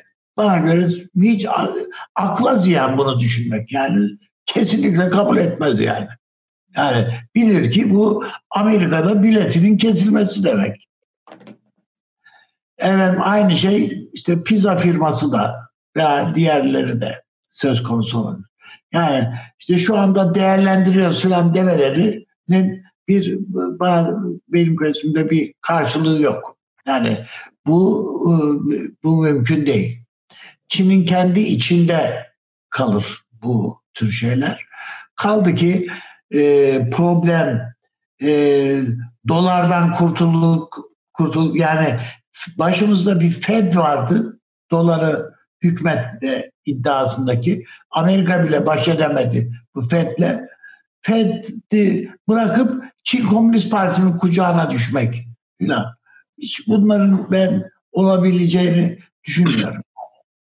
Bir, uluslararası, bir uluslararası uzlaşı ortaya çıkmadıktan sonra dolar sisteminin yerine daha işlevli ki Trump da şikayetçi çünkü bu dolar sisteminden, FED yapılanmasından filan. Yani e, o bir uluslararası bir uzlaşı ortaya çıkarsa bu sistemin yerini daha rasyonel, daha insancıl, e, Amerika açısından da öyle. Çünkü Amerika'da artık şöyle bir tablo var. Amerika üretim kabiliyetini de kaybetti. En büyük problemi bu. Yani şöyle düşünün. E, yani dünyanın en büyük markalarına sahipsiniz. İşte spor ayakkabılarının, bilmem otomobil şeylerinin, şunların bunlar. Markaların hepsine sahipsiniz ama hiçbirini siz üretmiyorsunuz. Hepsini uzak doğuda, kimini Endonezya, kimini Çin, kimini Türkiye, kimini Vietnam. Birisi üretiyor. Siz sadece markadan para kazanıyorsunuz. Markadan e, yani bu kumarhanede e, kumarhane sahibinin mano toplaması gibi bir şey yani esasında. Bunun bir üretim durdu dediğin anda bitti. Yani senin bütün gelir kapıların kapanır. Öbürü üretim devam edebilir yani. Onun için bugün Çin üretim e, yap, şeyine potansiyeline sahip bir ülke. Aynı şey Endonezya için, Vietnam için, Türkiye için söylemek durumundayız. Biz üretim yapabilme kabiliyetine sahibiz. Yani Amerika'ya solunum cihazı gönderiyorsun ya. Bu düşünülebilir mi yani? Peki abi geleceğim. Yani bu, bu tarafıyla şöyle baktığımızda Türkiye'nin de şu anda problemlerinden bir tanesi, Türkiye'nin problemi üretim. Üretmek esasında bu e, sistemde, uluslararası sistemde üretmek karsız bir iş. Yani bakma biz hani işin müteahhitlik tarafına bakıyoruz falan da ama onun dışında üretmek karsız bir iş. Yani fabrika kuracağına efendim e, bir böyle otelcilik şeyi, efendim bir turizm bilmem nesi veya bir e, dijital kumar şeyi, tezgahı falan kurmak yani paradan para kazanacak bir işler falan peşinde koşturmak Türkiye'de daha karlı. Türkiye'de değil bütün dünyada bunlar bu hale gelmeye başladı. Eğer bu böyle devam edecekse bütün sistem olduğu gibi bir e, o iskambil kağıtlarından şeyler gibi hepsi patır patır patır düşer. Şu anda zaten yaşananlardan bir Peki. Taşansı Hocam biraz beklettim sizi. Buyurun ne olur. Estağfurullah hiç önemli değil. Ee, şöyle bu Çin şimdi e, bizim eski Türkçe'de Kutay denir biliyorsunuz Çin'e. Ya Kutlu Ay hatta oradan Rusça'ya da geçmiştir Kitay olmuştur. Ruslar da Kitay derler. Şimdi bu Çin tarih boyunca efendim büyük bir e, üretim kapasitesine sahip aslında çok zengin bir bölgeden bahsediyoruz ve çok büyük bir kıtadan bahsediyoruz. Bir kıtadır e, karmaşık idari yapısı olan, karmaşık etnik yapısı olan ama işte Mandarin dilinin bir şekilde resmi dil olduğu vesaire iyi tanınması gerekir. Şimdi Çin mucizesi denen şey tırnak içinde söylüyorum. İlk başta ucuz iş gücüyle yoğun üretimdi. Daha sonra e, yoğun üretimin ihracıydı. Daha sonra önemli malların ithali haline aldı. Bugün ise Çin mucizesinin üzerinde yükseleceği şey belli ki Çin'in tüketim kapasitesi. Yani Çin'in iç pazarı. Ve Çin şu an şunu yapıyor aslında. Diyor ki e, ben geç kaldım bu emperyalizm işinde. E, Amerika dolar sistemiyle tüm dünyaya ticaret anlamında hakim oldu. Ama bu gayet yumuşak bir sistem dolar sistemi. Evet canınızı okuyabilir. E, Seyf, Süleyman Hoca'nın eleştirilerine aynen katılırız. Ancak bu öyle bir sistemdir ki e, canınızı acıtmasa da canınızı acıtsa da çok da acıtmaz bir şekilde hoş gelen yanlarını da gösterir size. Böyle bir şeydir. ee, neyse. Şimdi, yani buna gülmek. Şimdi bunu şöyle söyleyeyim. Ee, Batı bloğu, Doğu bloğu ayrımına bakalım hani Soğuk Savaş döneminde. E, Batı bloğu da gayet ülkeleri kontrol altında tutardı ama nazikçe ülkeleri kontrol altında tutardı. Rusların yaptığı gibi tank yürütmezdi başkentlerinde. Değil mi? Yani darbe yaptırır bilmem ne ama arkasına saklanır. Kendisi yaptırmamış gibi davranır. Böyle bir şey. Şimdi Çin diyor ki benim de bir defa büyük bir iç tüketim kapasitem var. Bir orta sınıf oluşturdum. Ve benim diyor e, Kuşak ve Yol diye bir projem var. Ama diyor bu Amerikan sistemi o kadar basıyor ki benim üstüme. Ben istediğim şekilde bazı bölgeleri kontrol altına alamıyorum. Bu dolar sistemine paralel kendi bölgem içinde geçerli olacak bir sistem yaratayım. Çünkü diyor ben zaten tüm dünyayı buna ikna edemem. Şimdi bakın bu da şöyle bir şeydir. Ee, bunu geçen programların bir tanesinde Süleyman Hoca söyledi. Ben derslerde de anlatıyorum artık bunu. Çok hoşuma gitti bu. Amerika piknik tip gibi girdi insanlığın içine demişti Süleyman Hoca. Yani neşeli, güleç, yani yüksüz gibi. Yani o yüzden de kolay yöneten. İşte buna kültürel hegemonya diyoruz. Şimdi e, şöyle düşünelim mesela Almanlar e, İkinci Dünya Harbi'nde gayet büyük bir ekonomileri vardı. E, büyük ideolojileri vardı. Korkunç bir şey bu. Kınamak lazım hala bir kere daha ama yani bir Lili Marlen türküsüyle bir Marlen Dietrich'le insanlığı kendinize bağlayamıyorsunuz. Çin'e baktığımızda da Çin bu durumun farkında öyle cazip bir kültür falan değil. Ve insanlığın e, korkularına, gerçekten distopyalarına hitap edebilecek çeşitli laboratuvarvari deneyler yapan bir ülke kendi ülkesinde. Yani bu e, sürveyans teknolojisinden tutun, yani herkesin kontrol edilmesi, e, izlenmesi, notlanması, karnelendirilmesi. Ya her şeyi bir kenara bırakın biz Türkler olarak aklımızdan çıkarmamamız gereken şey Uygurlara yaptıkları. Yani Türkiye'de çok konuşulmuyor. Bu da bence yanlış bir şeydir. Ee, özellikle üzerinde durulması gerekir diye düşünüyorum. Şimdi bu e, bu noktada Çin'e baktığımızda Çin'in bir dünya hakimiyeti iddiası yok. Yani Amerika'yı yerinde ne diyeyim, Batı sistemini yok edeyim değil. Bunun karşısında kendisine kapalı bir alan yaratmaya çalışıyor aslında. Yani nasıl ki e, Stalin gitti Berlin'e duvar ördü, Aynı şeyi bugün Çin yapmaya çalışıyor. Bu para birimi, yeni para birimi, elektronik para birimi ise yuana bağlı bir para. Ee, ancak elektronik olması bazı imkanlar sağlıyor. Dolayısıyla hani sadece adını değiştirerek bu etkili olduğu bölgelerde iç, kendi iç dinamikleriyle, kendi iç pazarında, iç pazarı derken artık Çin'in dışında sömürgeleştirdiği bölgelerden de bahset, bahsediyorum. Yani Afrika'nın çeşitli ülkelerinde ve bir şekilde Avrupa'ya sızmaya çalıştığı açık. Şimdi orada belli ülkeler iki para birimini aynı anda kullanmak durumunda kalacak gibi görünüyor. Yani şöyle söyleyeyim hani isim veremiyoruz evet doğru ama e, cep telefonu düşünün. Yani bazı insanlar Amerika'nın ürettiği Amerikan markası cep telefonunu kullanacak dünyada bundan sonra. Bazıları ise Çin'in ürettiği cep telefonunu kullanacak. Yani bu, bu, bu bir ayrışma çabası. Çin kendine bir pazar yaratmaya çalışıyor. Bunu da şöyle düşünelim. Ee, geç kalmış bir emperyalizm örneği olarak Almanların 19. E, yüzyılın sonundaki çabalarına benzetmek lazım ki e, zaten Çin'in şu anki durumunda ben daha çok e, o birinci harp öncesindeki Almanya'nın durumuna benzetirim.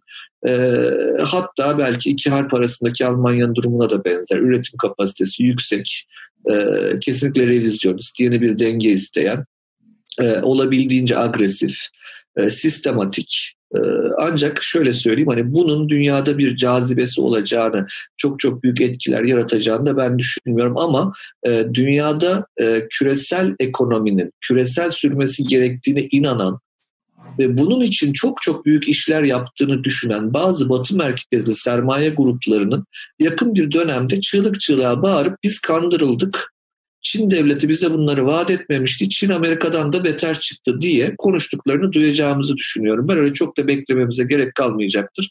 Birkaç yıl içerisinde e, Çin'in erdemlerini anlatan, ondan sonra uluslararası e, ticaretin erdemlerini anlatan bazı büyük iş adamlarının Çin'den nasıl kazık yediklerini anlatan mülakatlarını yakın dönemde görürüz diye düşünüyorum. Şimdi buradan şuraya bağlamak gerekecektir. Amerika ya da Avrupa Atlantik sistemi böyle bir meydan okumayı e, izleyecek değil. Mesela işte birkaç gün önce e, Malezya açıklarında yaşanan olay bunun önemli bir göstergesidir. E, Çin donanmasıyla Amerikan donanması, Malezya donanması, Avustralya donanması ve Vietnam donanmasının karşı karşıya gelmesi ve Çin donanması orayı yardı. Ve bakın orada beklenecek olan destek Hint donanmasındandır ve bu, bu işin şakası yoktur. Yani ticaret dediğimiz şey e, illaki diplomasiyi zorlar. Diplomasinin zorlandığı yerde de e, istihbarat savaşlarını zorlar. Biz o aşamadayız şu an. Onun bir tık ötesi bir adım sonrası e, sıcak çatışmadır. E, ancak çok açık bir şey var. Çin'le Amerika'nın e, mutlak kusursuz bir çatışmaya girmekten ikisinde kaçınacağı dolayısıyla nasıl Sovyetler Birliği e, atom bombasını icat ettikten sonra o soğuk savaş dediğimiz e, melaneti yaşadık insanlık olarak zannediyorum ki öyle bir yöne doğru ilerleyecektir dünya diye düşünüyorum. Taşansı Hocam, e, şey bu donanmalar örneğini verdiniz ya ben de şöyle bir örnek vereyim. Hatırlayacaksınız Yeni Zelanda ile Avustralya Çin mallarına ambargo koymak istediler. Evet. Ee, sonunda ne olduğunu hatırlıyor musunuz? Hatırlıyorum. Geri adım attılar. Yani neden? İhracat kalemleri belli. evet 200 milyar dolarlık çünkü amal alıyor onlardan. Evet. Şimdi burada tabii şöyle bir durum var. Bu tartışma sizin dediğiniz kadar kısa kesilmeyebilir. Şu sebepten dolayı yani Amerika'nın göstereceği reaksiyon, Batı'nın göstereceği reaksiyon ya da Çin'in handikapları nedeniyle. Ee, ABD-Çin rekabetinin önümüzdeki dönemde ister salgın sonrası değil, işte ister sene sonundaki ABD seçimleri son ertesinde değil, bir ABD-Çin rekabetinin, var olan rekabetin iyice köpüreceği konusunda dünyada da herkes müdahale. Ona göre de pozisyon alıyor. Bu rekabet ortada durduğu sürece bu tartışma bitmeyecektir. Bu rekabet... Şimdi Bey, Buyurun. Ee, müsaadenizle ben şunu söyleyeyim. Yani hem kendinizi suçlamalısınız bence hem bizleri de suçlamalısınız. Şu açıdan şimdi e, ben birkaç gün boş vaktim oldu. Geçmiş programlara baktım. Hı hı. E, biz Nisan 2019 yılında şu benim biraz önce söylediklerimin aynılarını sizin programınızda söylemişiz. Şimdi e, bir yıl önceden evet, söylenen şeyler e, genel kitleler açısından hoş bir şey değil. Yani e, ben size söyleyeyim çok izlenen bir program olmanın yolu iki gün sonradan bahsetmektir. Şimdi bu program böyle bir yıl sonrasından bahsetmek çok da izlenmez. E, ancak çok kaliteli insanlar, izleyiciler olurlar. E, o anlamda hani e, bunu evet biz uzun zamandan beri konuşuyoruz. E, Çin rekabeti, Çin-Amerika rekabetini uzun zamandan beri konuşuyoruz. E, yani sizin programınızda zaten biraz önce verdiğim örnekte e, bir yılı aş aşkın zamandır bunlar konuşuluyor. Ancak şunu unutmamak lazım. Bu rekabet evet farklı veçeleriyle, farklı küçük ara dönemler, küçük periyotlar yaşayacaktır kendi içinde ama ana hat artık bu. Yani bu ana hattın içerisinde onu da şöyle söyleyelim. Mesela Soğuk Savaş'ın ortaya çıktığı döneme baktığımızda yakınlaşmalar vardır, uzaklaşmalar vardır, askeri tehditler vardır. Efendim ne bileyim işte küçük kazalar yaşanır vesaire ama ana hat bellidir. Şimdi o, o ana hat üstünden gittiğimizde e, yani benim e, altını çizmek istediğim husus şudur. Çin bir dünya hakimiyetine değil, dünyada belirli bölgeleri kapatmaya yönelik bir e, hamle içerisinde. İşte o, o, o bölgeler kimin malı? Ee, işte o işte o sıkıntı orada. yani onu söyledikten sonra yani, zaten öyle dünya hakimiyeti gibi oluyor. Ee, işte gedik açma çabasıdır. Bu aynı şey Sovyetler Birliği yapmıştı e, Soğuk Savaş döneminde. E, olup olmadık yerlerde mesela işte Küba'da e, Fidel Castro'nun başarısıyla Amerika neye uğradığını şaşırmıştı. Domuzlar körfez çıkarması olmuştu vesaire hatırlayalım bunlar. Yani Amerika'nın burnunun dibinde bir sosyalist devlet kurulmuştu. E, bu, bu artık bu böyle bir dönem e, ama Amerika ve Çin arasında bölünmüş bir dünya olduğu açık. Şimdi mesela hemen bizim Balkanlara baktığımızda bunu göreceğiz. Ama bizi en çok etkileyen konu çok açık olarak söyleyeyim. Türkiye'yi de savaş riski içine sokacak olan konu bizim güney sınırlarımız ve İran'dır. Yani İran, Irak, Suriye, Doğu Akdeniz hattı bizim için bu Çin-Amerika rekabetinde önemli bir konudur. Yani bunu sadece bizim yaşadığımız sorunlar olarak değerlendirmek... İyi salı günü konuşmuşuz yani. Nasıl? İyi ki salı günü konuşmuşuz diyorum. Siz Güzel. Amerika. Evet. Ee, dolayısıyla hani bizim Libya'dan başlayıp mesela Libya'da olan biteni değerlendirirken bu Çin-ABD rekabetini görmüyorsak eğer bazı şeyler açıklama şansımız olmayacaktır. Mesela e, Balkanlarda e, Rusya, Almanya, Amerika üçgenine bakarken, Türkiye'nin analizi yaparken Çin'i mutlaka artık hesaba katması gerekmektedir. Irak ve Suriye konusunda böyle. E, Yemen'e baktığımızda mesela Çin'i görmeniz gerekir. Ben görüyorum Yemen'e baktığımda doğrudan Çin'i görüyorum mesela. Ee, orada Rusya'nın İran'la... Yeri müsaittir. Nasıl? Yeri müsaittir Yemen'in. Kesinlikle, kesinlikle. Ve Türkiye'nin evet. bakın bazı çabaları var ki e, bu çabaların iyi anlaşılması gerekir gerçekten. Hı. Mesela Sevapin Adası'nda Türkiye ne iş yapıyor? Diye hatırlayın ne olur 3-4 yıl evvel. Tabii çok, çok konuştuk biz programımızda. Ne, ne, ne, ne yapılıyormuş şimdi anlaşılıyor mu acaba? Yani Süveyş kriz, e, Süveyş kanalı demek. O zaman anlamayanlar şimdi unuttular bile. Yani bu bunlar çok çok önemli. Yemen önemli, ne demek? E, buralar neden bizim için önemli? Hindistan'ın yükselişi ne demek? Bakın şunu unutmayalım. Osmanlı İmparatorluğu'nun çöküşü dediğimiz şey Hindistan yolunda Portekizlilerin e, bizim tarafımızdan ne yazık ki yenilememesiyle başlayan bir süreçtir. Budur mevzu. Yani biz çıkmaya çalıştık Kızıldeniz'den ama e, o günkü Akdeniz gemi teknolojimiz buna müsaade etmedi. E, çok da umursamadık çünkü belki 200 yıllık bir süreçti o. E, ama şu an tarihin çok daha hızlı aktığını unutmamamız gerekir. E, dolayısıyla e, artık e, mevzulara bakarken e, biraz daha bu e, Çin-ABD ana eksenini artık sabit olarak kabul edip çok da fazla e, tartışmaya e, Bu son söylediğiniz cümle gerçekten de yani bir üst çatı olarak çok normal. Ama izleyicilerimiz bunu şöyle anlamasınlar sadece. Çin, ABD rekabeti bilmem nesi şusu busu ana konudur dediğiniz zaman asıl mesele bunun neyi tarif ettiği ve diğer ülkelerin buna göre pozisyonları. Hele ki büyük oyuncular. Ayrı bir konu. Onu da zamanı gelince konuşacağız. Ben bunu Amerikan seçimleri üzerinden konuşmak istiyorum ama Avni abi size söz vereceğim ama yani konuyu değiştiriyorum şimdi. Siz evet. buraya kadar bir şey söylemek istiyorsanız. Yani bu Amerikan seçimleri üzerinden konuşmak Hı-hı. isterim. Tamam. Şöyle, evet.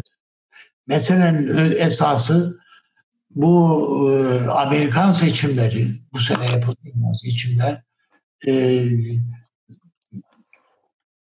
zaman dilimini kısalttı, daralttı. Güzel. Yapılacak hamleler erkene alındı veya ertelendi. Yani baktığımız vakit e, Trump açısından da e, efendim rakipleri açısından da bakalım ya da uluslararası ha, e, aktörler açısından da bakıldığında ki buna Çin en başta tabii acaba Amerika'daki bu belirsizlik ortamı geçen e, salı günü buna e, vakum etkisi diye ifade etmiştim. E, bu belirsizlik ortamında acaba bir şeyler e, ne bileyim erken doğum yapabilir miyiz bazı şeylerde? Hı. Bu Türkiye açısından da avantajlar getirebilecek e, siyasi bir takım projelerinizi gerçekleştirme şansını artıran bir süreçte olabilir. Çin açısından başkaca işte para sistemiyle alakalı hamleler hazır işte Trump'ın da rahatsızlıkları, sistemden kaynaklanan rahatsızlıkları, Avrupa'da hakeza bu rahatsızlıklar devam ederken acaba aradaki boşlukta biz böyle bir e, alternatif demeyelim ama hiç değilse bir e, seçenek olarak var kılabilir miyiz bazı şeyleri? Hevesini doğurabilir. E, bakıldığında e, ben esas olarak Amerika'daki e, seçimler nihayet bulmadan yani Trump kazanacak ya da kaybedecek. Muhtemelen kazanabilir. E, kazanabilirse kazanırsa zaten çok daha radikal bir e, hamleler yapa, yapan bir Amerika göreceğiz gibi geliyor bana. Yani şu anda kafasını kaldırıp bakamadığı Çin, işte Suriye. Allah içeriye de yapabilir abi. Tabii tabii tabii hepsinde yani çok yani tırpan gibi girebilir yani. Abi. Çünkü artık önümüzdeki dört senesi var yani. Ondan sonra başka bir şey de yok. Ama Kasım ayına kadar olan, geçecek olan süreçte birçok bakımdan hırpalanmış bir Amerikan yönetimi var. Sadece Trump açısından doğru değil. Yani oradaki demokrat alternatif veyahut da adayla, e, adaylık açısından da öyle. Yani hırpalanmış, üretim kabiliyeti düşmüş, şu bu dünyada tartışılır olmuş olan bir e, Amerika devralacak eğer kazanırsa demokratlar. Yani hiç öyle çok da e, güle oynaya veyahut da bir e, faşink havası olmayacak Amerika açısından da. Ama Kasım ayına kadar bir süre bir dönem var. Bu herkes için, DH için dahil, şu için dahil, yani örgütler için bile dahil, hepsi için bir e, acaba o belirsizlik ortamında biz bir alan açabilir miyiz kendimize? Bir mevzi tutabilir miyiz?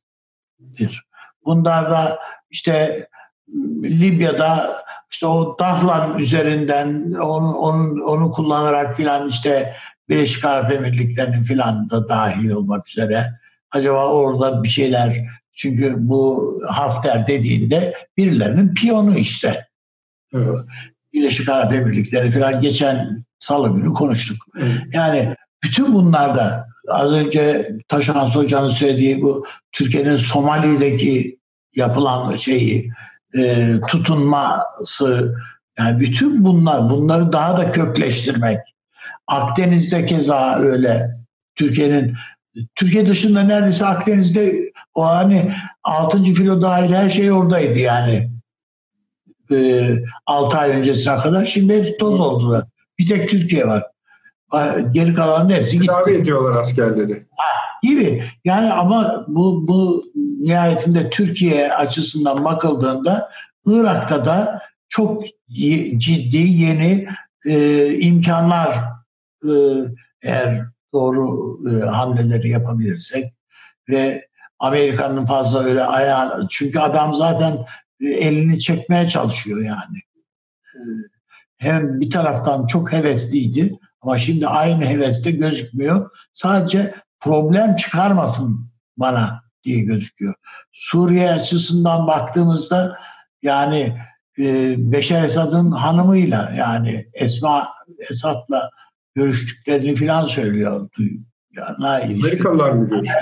var yani JP Morgan'da falan çalışmış kız evlenmeden önce falan. E zaten İngiliz vatandaşı falan. Ne olabilir ki?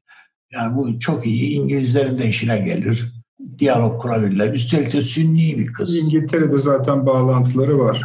Yani dolayısıyla yani birçok hamleye gebe bir e, önümüzde bir e, 8 ay var.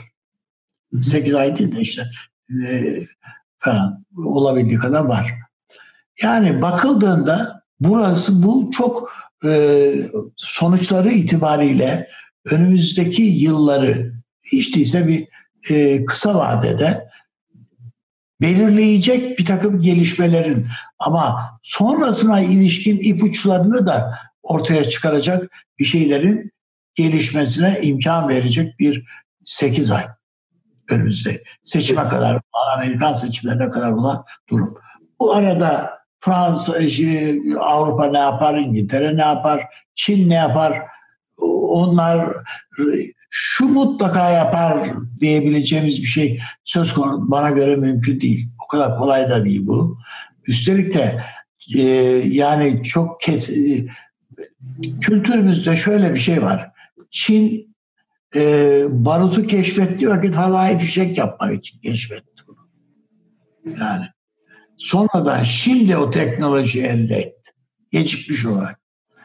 Bizde 3. Ahmet'indir yanlış hatırlamıyorsam. O, oğlunun sünnet düğününde bir denizaltı yaptık. Tim, timsah şeklinde denizaltı. Sarayburnu e, açıklarına kadar Haliç'ten geldi. Bu denizaltı dipten gelmiş yani. Birden Saraybur, Sarayburnu'nda suyun yüzüne çıkmış denizaltı e, az tutuyor yani 20 metre uzunluğunda filan bir denizaltıdan söz ediyoruz. E, Sarayburnu'nun orada açığa çıkmış ağzını açmış timsah ağzını açmış İçinden dansöz kızlar ve saz heyeti çıkmış, çalmışlar, oynamışlar. Ağzını kapatmış, yine dalmış gitmiş. Budur diyorsunuz. Bunu biz bir savaş aleti olabileceğini düşünmemişiz odur. Ya o, o eğlence. Denizaltı ama abi. Eğlence olsun diye. Şimdi düşünüyoruz. Yapıyoruz da. Şimdi Hala da bölgenin bütün Akdeniz'in en güçlü denizaltı kulesine sahip Türkiye. Şimdi baktığında birçok şeyi o e, tarihsel dönemde birçok şeyi keşfetmiş, kullanmış, denemiş. İşte e, okçuluk sisteminde bile e, otomatik şimdi hani e, Peki şeyler var, silahlar var, makinalı tüfekler var. Okların kullanıldığı dönemde bile e, Çin buna buna benzer bir sistemi okla yayla yapmış. O değişik şeyler. Peki abi. Ama ondan sonrası kesilmiş işte.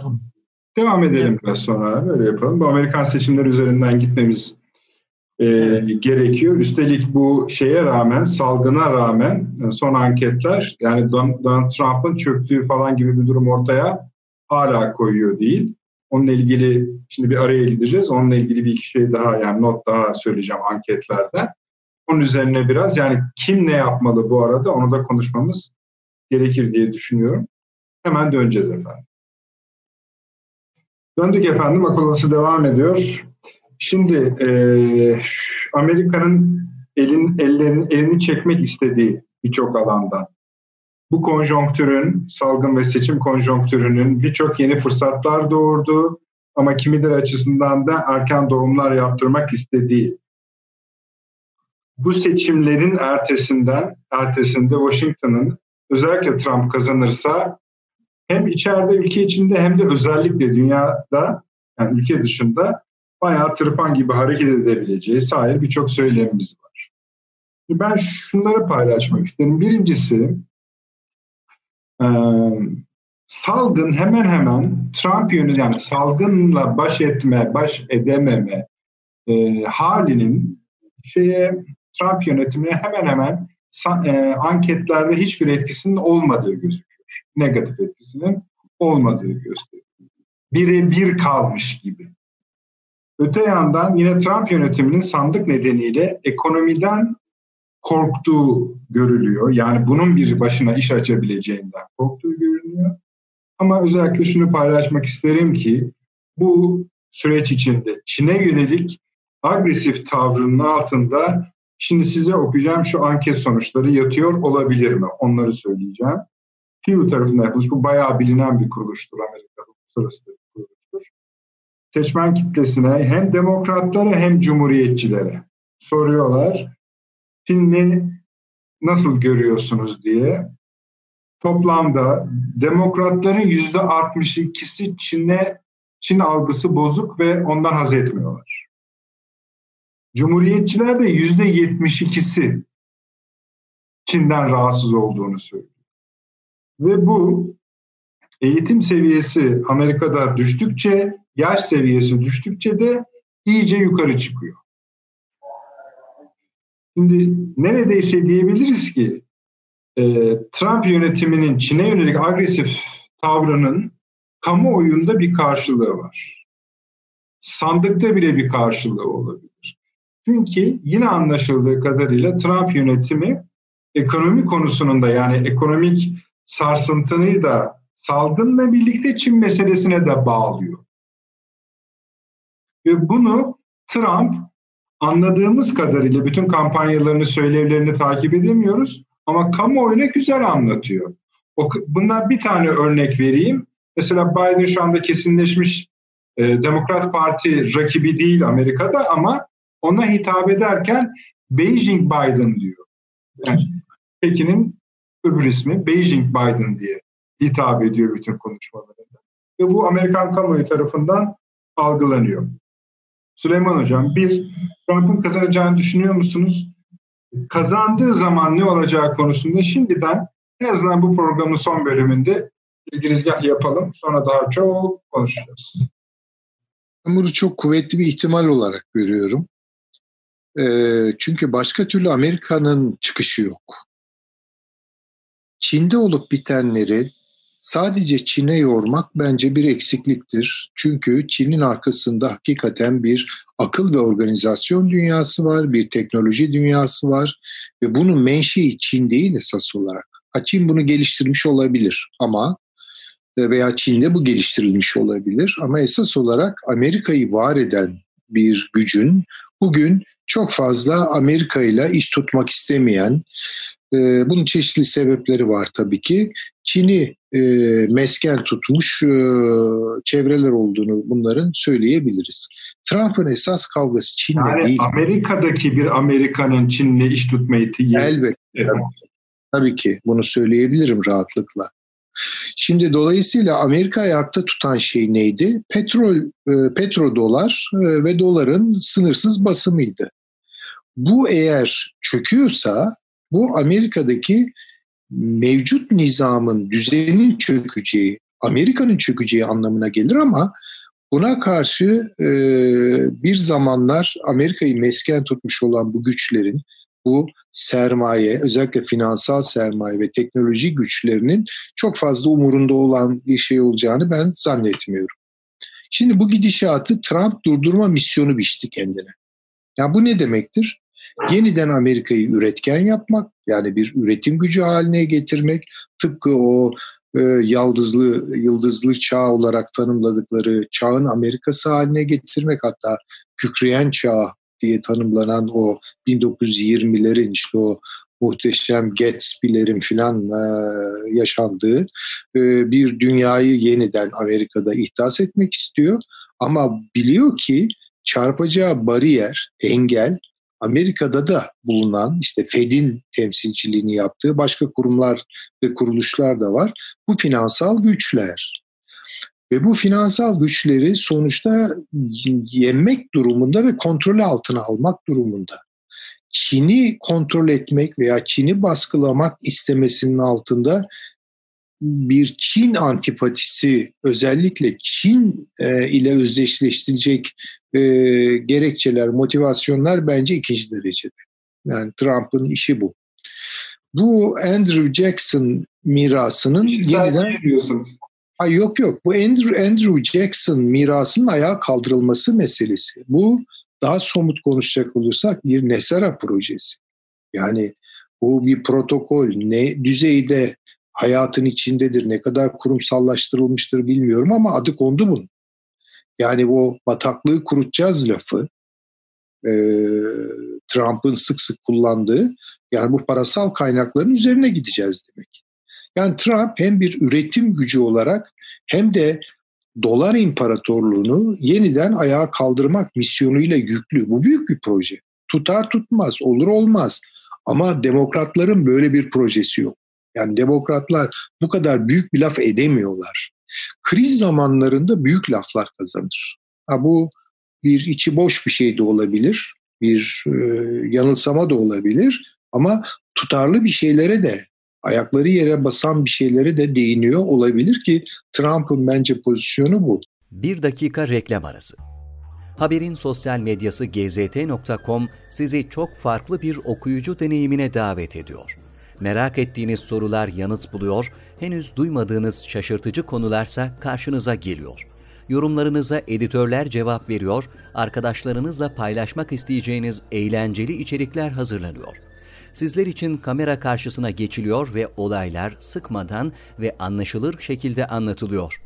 Özel infografikler, videoların yanı sıra burada sayamayacağımız sayıda farklı dergiler. Şimdi telefon ekranınızı daha da anlamlandırmak için sizi davet ediyoruz. GZT uygulamasına iOS ve Android marketlerden kolaylıkla erişebilir, pişman olmazsınız. Mutlaka indirin. Reklam arası sona erdi. Dolayısıyla Trump'ın seçimi kabul e, kaybedeceği ihtimali üzerinde çok durmuyorum. Tabii tersi olabilir. Yani sonuçta bir öngörüde bulunuyoruz. Eğer bu olursa zaten Amerika mahvu perişan olur. Yani Amerika'nın çöküşü, dağılması falan çok daha hızlı bir şekilde yaşanır. Dolayısıyla bu Çin'de atılan adımlar mesela bu işte son yuan e, dijital para e, girişimi vesaire Çin'in sadece aklettiği bir şey değil. Yani yeni bir dünya rezerv para sistemi kurmak istiyorlar. Bunu nakitsiz bir topluma dayandırmak istiyorlar. Bunu sıkı bir dijital toplumsal kontrolün üzerine konuşlandırmak istiyorlar. Bunu devletin bütün iş ve işlemlerine sirayet ettirmek istiyorlar. Yani çok daha merkeziyetçi, çok daha e, kontrole dayalı bir dünya sisteminin peşinde bu adamlar. Dolayısıyla Trump bunlarla mücadele edecek. Yani Trump çok mu matah bir adam onu ben bilemem. Yani hiç de sevimli değil saçmalayıp duruyor bazen ama yani o saçmaların arkasında da tuhaf akıllar rol oynuyor. Akıl yürütmeler rol oynuyor. Bunları da görmek lazım. E, Trump'ın misyonu bu. Ve bugün Amerika'da büyük kütleler işte bu üretim durgunluğu, işsizlik, istihdam kayıpları vesaire bunları bir şeye kanalize etmek istiyor Trump. Adını da koydu. Çin virüsü dedi, Çin dedi. Ve Çin'le uğraşacak. Yani bu çok açık. E, te- tekrar söylemek istiyorum. Hani bunu söylemek çok ayıp kaçıyor bana da yani bir anlamda çığırtkanlığını mı yapıyorum ben böyle bir şeyin diye düşünüyorum ama e, savaş ihtimali. Çok çok çok e, es geçilecek bir şey değil. Yani bundan endişe ediyorum, korkuyorum. Çünkü başka çıkış yolları kalmadı. Savaş hani geçen programda da söylemeye çalıştım. Bu Hegel'in meşhur lafı hani e, biriken kara bulutları dağıtır meselesi. Yani krizi aşmanın yolu savaştır. Bunu e, Rosa Luxemburg'da Sermaye Birikimi kitabında gayet güzel, net ortaya koydu. Bunun döngüleri var. Yeniden o döngülere geldik yani. Döngüler yeniden e, gündemimize yerleşmeye başladı. E, bu çok kötü bir şey tabii ki ama böyle bir ihtimal var. Ha bunu nasıl yaparlar? Biyolojik mi yaparlar? Kimyasal mı yaparlar? E, sınırlı nükleer düzeyde mi yaparlar? Ama bu işe girecekler. Ve buna teşne olan çok sayıda e, devlet var. Bir tanesi de Rusya. Rusya'da girer. Yani boşuna değil o dergi kapağında Rus uçaklarının Çin semalarında gösterilmesi. Yani bu bir fantazi falan değil. Pekala bu da mümkün hale gelebilir. Karanlık tablolar bunlar. Çünkü e, bu büyük umutsuz kütleleri nasıl siyasete yeniden kanalize edeceksiniz? Ne diyecek demokratlar? Eşcinsel haklarını savunacaklar. Eşcinsel evliliklerini savunacak. Bunlar lüks artık. Bunların bir anlamı yok. İnsanlar ekmek derdinde. Onlara bir şey söylemiyor ki demokratlar.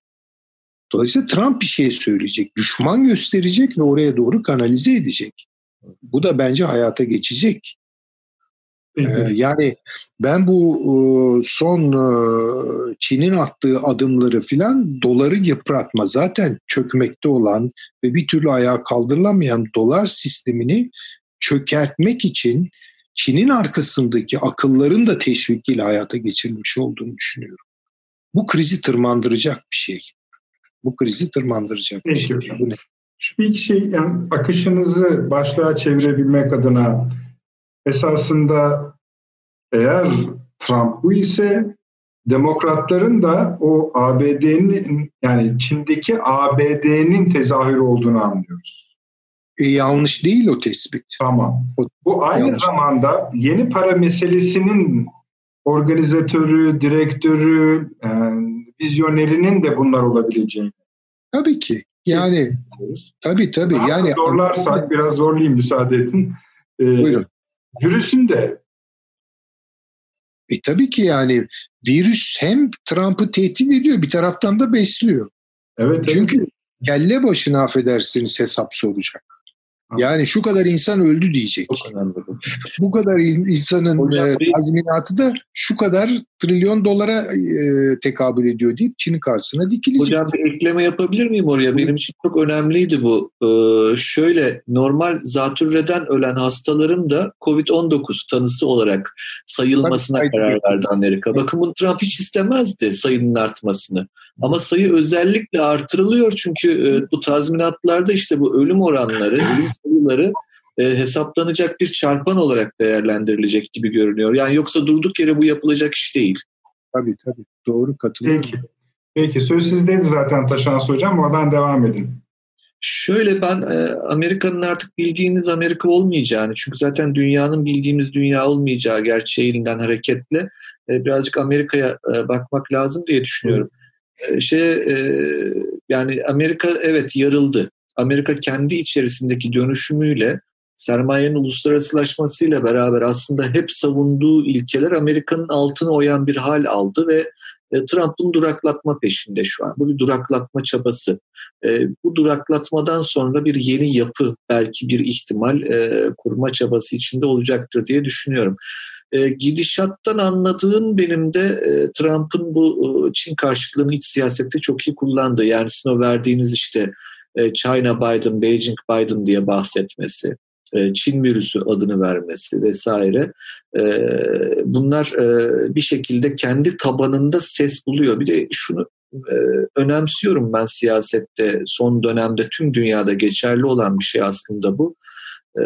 Biz efendim aydınlanmayla beraber, akılcılıkla beraber, ideolojilerle beraber akıl ve tartışma hakikatin bulunabileceğine dair inançtan bahsettik. Nereden baksanız bir 200 yıl.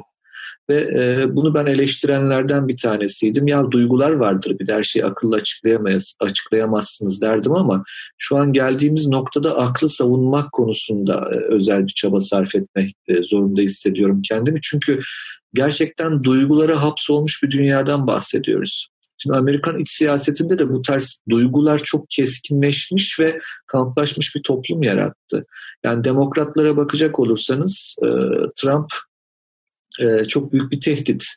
Amerikan yaşam tarzı için tehdit, insanlık için tehdit. Çünkü demokratların kafasındaki mesela biraz önce Seyfi Süleyman Hoca'nın bahsettiği e, bir şey sunamıyorlar. Bir büyük projeleri yok dedi demokratların. Ona katılıyorum ben.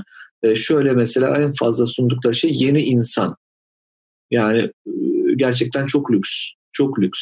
Özellikle Trump'ın e, hitap ettiği kesime, oy aldığı kesime bu hiçbir şey ifade etmiyor.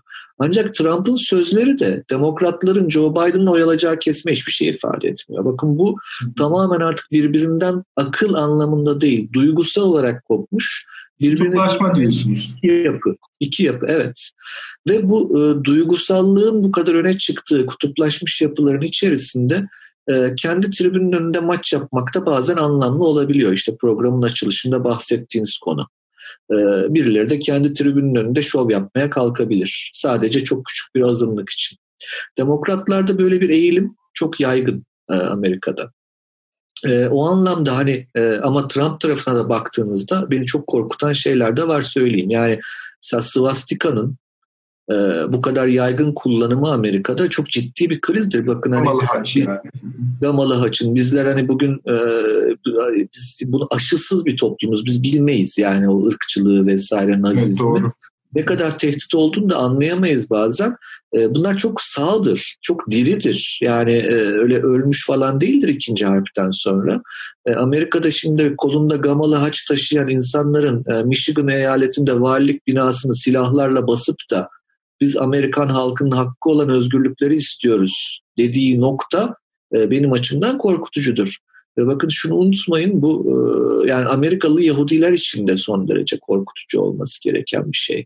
Amerikalı Müslümanlar için de son derece korkutucu olması gereken bir şey. Çünkü bu ırkçılığın şeyi yoktur, ayarı yoktur. E, ancak mesela hani küçük bir parantez açayım. Netanyahu'ya baktığımızda İsrail ulus devletinin çıkarları için dünyanın geri kalan Yahudilerini feda ettiğini görebiliyoruz şu an.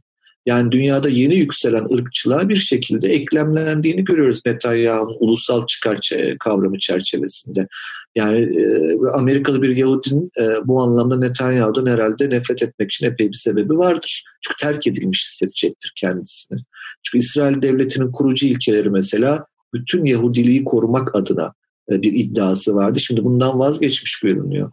Şimdi buradan da devam edecek olursam bu parantezi kapatıp Amerikan iç siyaseti e, bir şekilde Trump'ı oraya getirecek diye düşünüyorum ben de. E, çünkü bu duygusal yarılmanın olduğu yerde özellikle alt sınıf az eğitimliler ve beyazlar diye kodlayabileceğimiz kesim Trump iktidarı taşır.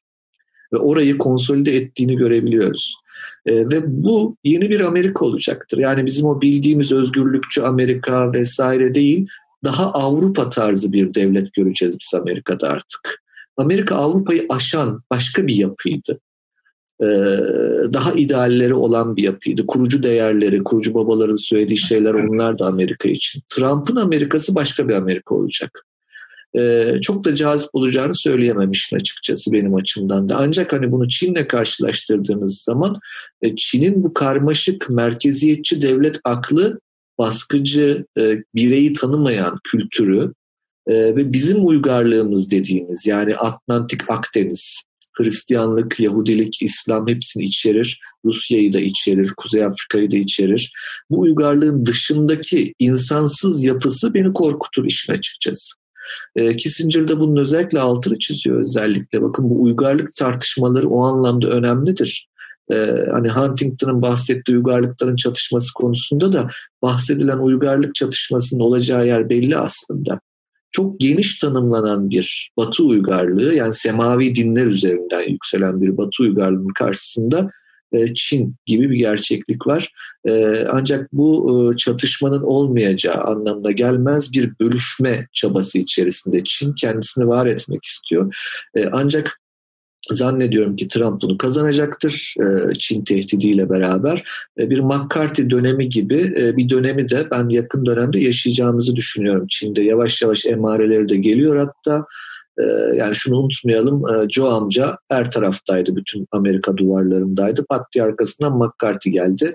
Çin Amerika için bulunmaz nimetti. E, büyük ortaktı Sovyetler Birliği'ne karşı. Bunlar birdenbire değişiverir ve Amerikan toplumu çatışmayı sever çatışmacı bir toplumdur Amerikan toplumu. Hani varoluşu onun üzerine kuruludur. İlerlemecidir. İlerlemeyi çatışmayla birleştirir. Cermelik bir şeyleri vardır yani kültürel dokuları vardır. Ee, Çin düşmanına karşı Amerika'nın yeni bir Amerika olarak ortaya çıkacağını söylememiz lazım.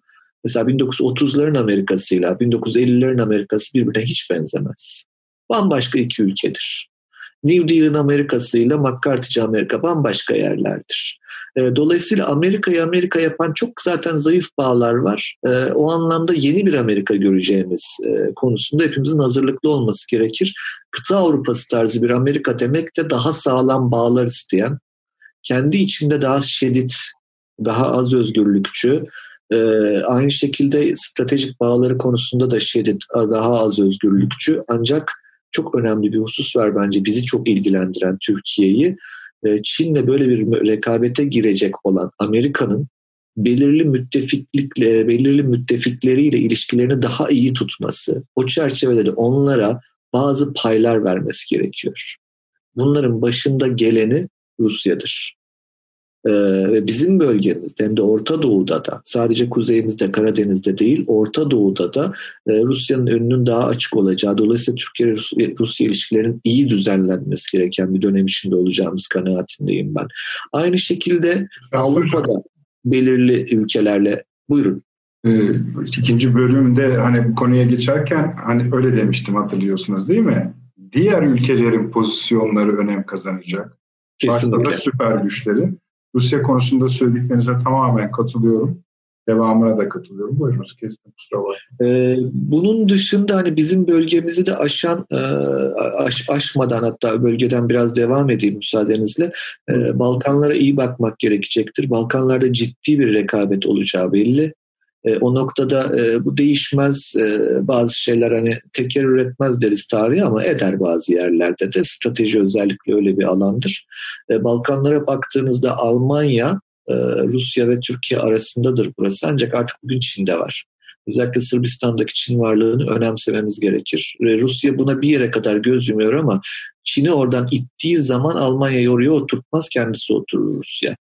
Ee, Kafkaslar çok önemli. E, bizim açımızdan. Orta Doğu'da e, ben Amerika'nın e, Irak ve Suriye konusunda Rusya ile bir anlaşmaya vardığı kanaatindeyim. Ve buradan askeri olarak çekilip askeri varlığı ve yeni siyasi yapıyı Rusya ile beraber planlayacağı kanaatindeyim. Burada İsrail'in çekinceleri olacaktır diye düşünürdüm. İsrail'in çekincelerinde anladığım kadarıyla Rusya tatmin etme yolunda epeyce bir adım atmış gibi görünüyor. Yemen'i, Bunun İran... İran'a faturası olur mu? E tabii şimdi o tam onu söyleyeceğim. Yemen'i İran'a terk ettiler. Peki dediler al sen Yemen'ini ama e, ben seni Suriye'den Irak'tan atacağım. Rusya'nın büyük ihtimalle İran'a üstü kapalı verdiği mesaj bu. Ancak burada yeni bir yapılanma yani Maşrik bölgesinde yeni bir yapılanma kaçınılmaz görünüyor. Orada Netanyahu, Putin, Trump üçgeni e, sanki bu işi bitirmiş gibi Türkiye'nin bunu iyi okuma, ok, okuduğu kanaatindeyim. Bunun Libya tarafına baktığımızda Libya konusunda zannediyorum Türkiye ile iş yapmayı tercih edecektir Amerika. Çünkü sahada kuvvetli Türkiye. Sahada varlığını göstererek bazı şeyleri kazanıyor. Bakın bu Türklerin kaderidir. Biz ser görüşmeye bir sıfır eksik başlarız. Bu hep böyleydi. Yine böyle olacak. Hani buna bundan şikayet etmenin alemi yok. Bunu yeni duymuş, yeni öğrenmiş gibi davranmanın alemi yok. Ee, böyledir. İşin doğrusu budur. Ee, yani biz zorlaya zorlaya bazı şeyleri alırız. Zorlaya zorlaya haklarımızı alırız. Libya konusunda şunu unutmayalım. 110 sene sonra Türk subayı Libya topraklarında postalını basmış durumda. Bu hiç küçümsenecek bir şey değildir. E, Türkiye için son derece önemlidir. Ancak e, oraya bakarak Doğu Akdeniz'i, Suriye-Irak denklemini e, Balkanları ve Kafkasya'yı atlamamız gerekir. Bakın Kafkasya'da da özellikle Azerbaycan yani e, kendi vatanımız saymamız gereken bir yer. E, orada Dağlık Karabağ sorununa dair önemli gelişmeler yakın dönemde oluşabilir. Ermeni-Azerbaycan ilişkilerinde önemli gelişmeler Rusya tarafından pişirilebilir. Türkiye'nin bu anlamda bu e, kendi çevresi hakkında bunları gözlemlerken bir yandan Hindistan'ın yükselişini hesaplayıp Kızıldeniz e, üzerinden, Süveyş kanalı üzerinden Mısır'la ilişkileri tazelemesi, belki İsrail'le yeni bir e, sayfa açma e, çabasına ya da oradan gelecek tekliflere evet deme ihtimali vardır ama en uzakta da Vietnam'a iyi bakmalı, Endonezya'ya iyi bakmalı, Malezya'ya iyi, iyi bakmalı Türkiye'nin aydınları, gazetecileri, diplomatları diye düşünüyorum. Çok teşekkür ederim. Güzel bir tur attınız. Eksik olmayınız. Çok kısa cevap rica ederek bir, demokratların kazanması halinde ABD'de bu çizdiğiniz tablodan gayrı olarak Süleyman Hoca'nın dediklerine katılıyor musunuz? Bu, bu söylediklerimin tamamı geçersiz olur. Hayır, Amerika'nın e, akıbeti ya da nasıl söyleyelim durumu hakkında bir bu söylediklerimin tamamı geçersiz olur. Demokratların kazandığı bir durumda e, çok yeni bir dünya kurulacak ama onu baştan şöyle bir tarif etmeye kalkarsam e, minimum bir 10 dakikaya ihtiyacım olur e, Nedret Bey. O kadar sabrınızı zorlamak istemem. Yok yok hiç zorlamazsınız ama onu şöyle yapacağız. Yani bununla ilişkin daha önümüzde çok programımız var. Her programımızda bu konu olacak ben öyle düşünüyorum. Zaten evet. o salgından sonra zaten bundan başka bir şey konuşulmayacak emin olun. Bir de son... E...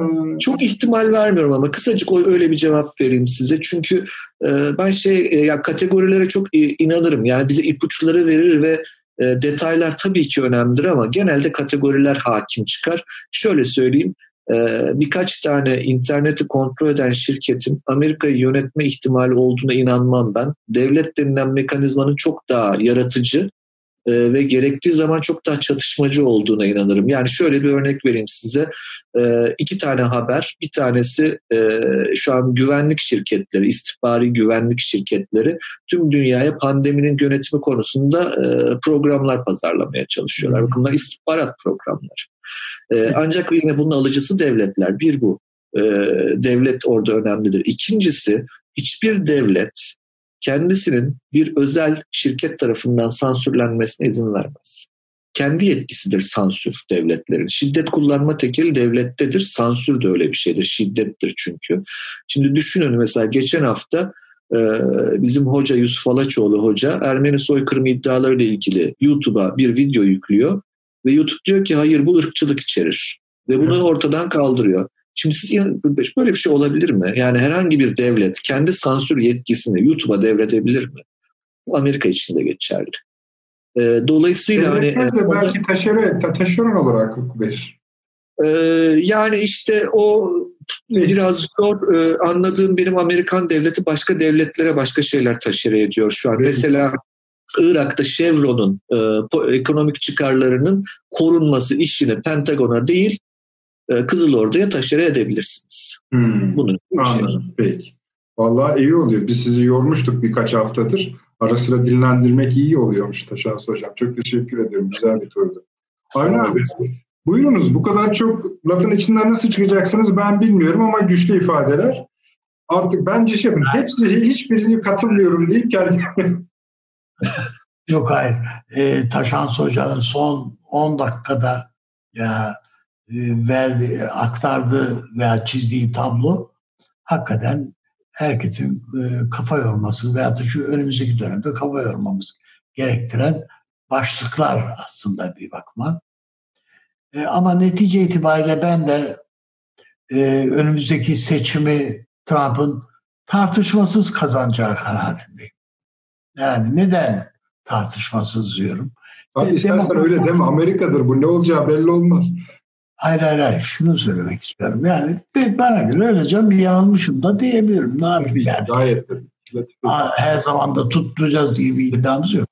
Evet. Ama şöyle bir şey var. Yani bu demokratlar şunu söylüyor. Bir çare bir şeyler söylüyorlar filan veya söylemiyorlar ondan dolayı filan değil. Trump'ın sadece Amerikan halkına şunu söylemesi yeterli. Yani ey Amerika şu anda yani ıı, oranlara bakarsak yüzde otuz hatta kırka varıyor neredeyse işsizlik. Evet. İşsiz değil mi yani şu kadar milyon işte işsizlik yardımına başvurdu. Değil mi? Evet. Ha işte bunun sorumlusu şu diye Çin'i işaret edecek yani. Sen yani elin senin ürettiğin şeylerin tamamı Çin'de üretiliyor şimdi. Senin o güvendiğin büyük şirketler, dev şirketler hepsi senin elinden alıp oraya götürdüler. Bunları burunlarından böyle çeke çeke Amerika'ya getireceğim diyecek. Diyor zaten adam. Bir bu. iki yani sadece bu da değil. Yani onun ötesinde gösterdiği bir tehdit de var yani. En son Everest'te C5 şeyini diktiler. E, vericisini diktiler. Yani e, şimdiye kadar yani dikilecek yer Everest mi kaldı bir tek? Yani her yere koyduğunda hayır değil. 2021'de başlıyoruz kardeşim dedi adam. Ya burada ve Amerika'nın ben öyle zannediyorum ki Trump'ın ikinci dönemi de tıpkı bu Bush'un hani e, ya bizden yanasınız, benden yanasınız ya karşımızdasınız. Dediği gibi bir durum çıkacak ortaya neredeyse. O zaman gerekçe 11 Eylül'dü. Şimdi gerekçe Çin. Öyle bir saldırıya uğradık ki arkadaş ben buna şöyle ya da böyle Süleyman Hoca'nın dediği gibi savaşla da karşılık verebilirsin. Yakıp yıkabilirsin. Ve kimse de ağzını açamayacak zaten. Açmayacak hatta. Çünkü e, şeyi yok artık kuralsız bir hani bu kafes dövüşü deniliyor ya bir şeyde kuralsız bir dövüş bu artık. O bakımdan ben önümüzdeki dönemi çok e, gaddar bir dönem olarak siyaset e, yapıcıları açısından e, öyle görüyorum. E, bu süreçte e, Amerika Türkiye'yi partner olarak görebilir. Bu Irak'ta görebilir. Eğer biz doğru işte burada dedim ya yani bir satranç bu, bunun taşları doğru oynarsak. Yani baktığınızda Amerika... Bu Irak için ayrı plan lazım, plan lazım, Suriye için. Hepsi lazım. Şey işte, ee, yani, lazım. yani izleyicilerimiz proje konuşmalarımızı. Bizim bir proje koymamız lazım ortaya.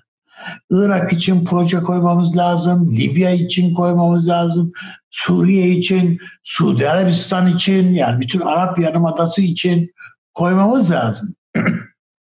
Yani Amerika için çok önemliydi bu Birleşik Arap Emirlikleri'nin varlığı yani 790 milyar dolar diye biliniyor. Yani bu, bu, bu çok önemliydi. Artık da önemli falan değil yani bu. istediği anda Amerika'nın zaten elinin altında. Amerikan şirketlerinde bu paralar zaten. Amerika el koydum dese ne yapacak bunlar? Yani yapacaklara bir şey yok. O bakımdan Amerika'nın hareket kabiliyeti çok fazla ve çok tahrip edici olabilir önümüzdeki dönemde. Öyle ki e, yani bu bana şeyi hatırlattı. Bu 1 Mart tezkeresi reddedildiğinde Amerikan e, Dışişleri Bakanı'nın sözü Türkiye bunun için çok ağır bedel ödeyecek dediydi. Ödettireceğiz dediydi. Şimdi o kadar bu intikamcı bir anlayış ki Amerika herkese bunu yapabilir. Bunu al, niye, nereye çarptı, niye çarptı kimse bunun hesabını bile sormayabilir. Onun için ben Çin'in bu kar, kartı, bu oyunu gördüğünü zannediyorum. Evet. Elindeki bütün avantajları. Çünkü bir de Çin'in dezavantajı şu. Dünün Çin'i de insanlar 50 e, sent e, yövmiye ile öyle zannediyorum yani e, aşağı yukarı. Çünkü bir e, suni halı suni halı demeyeyim de yani makine halısı üreticisi Türkiye'de önemli bilinen bir marka. E, onun genel müdürü benim arkadaşımdı. Çin'e götürdü fabrikayı. Çok ucuz orada diye. Çin'e götürdü.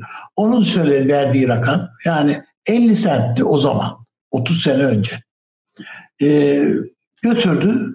Bunlar U şeklinde bir e, şey kampüs. Kampüs demeyeyim de işte U şeklinde binalar. Bir binada üretim var, halıyı dokuyorlar. Bir binada yemekhane var, bir binada da yatakhane var. Bitti. Burada günlük 50 sentte çalışan insanlarla halı üretiyorlardı.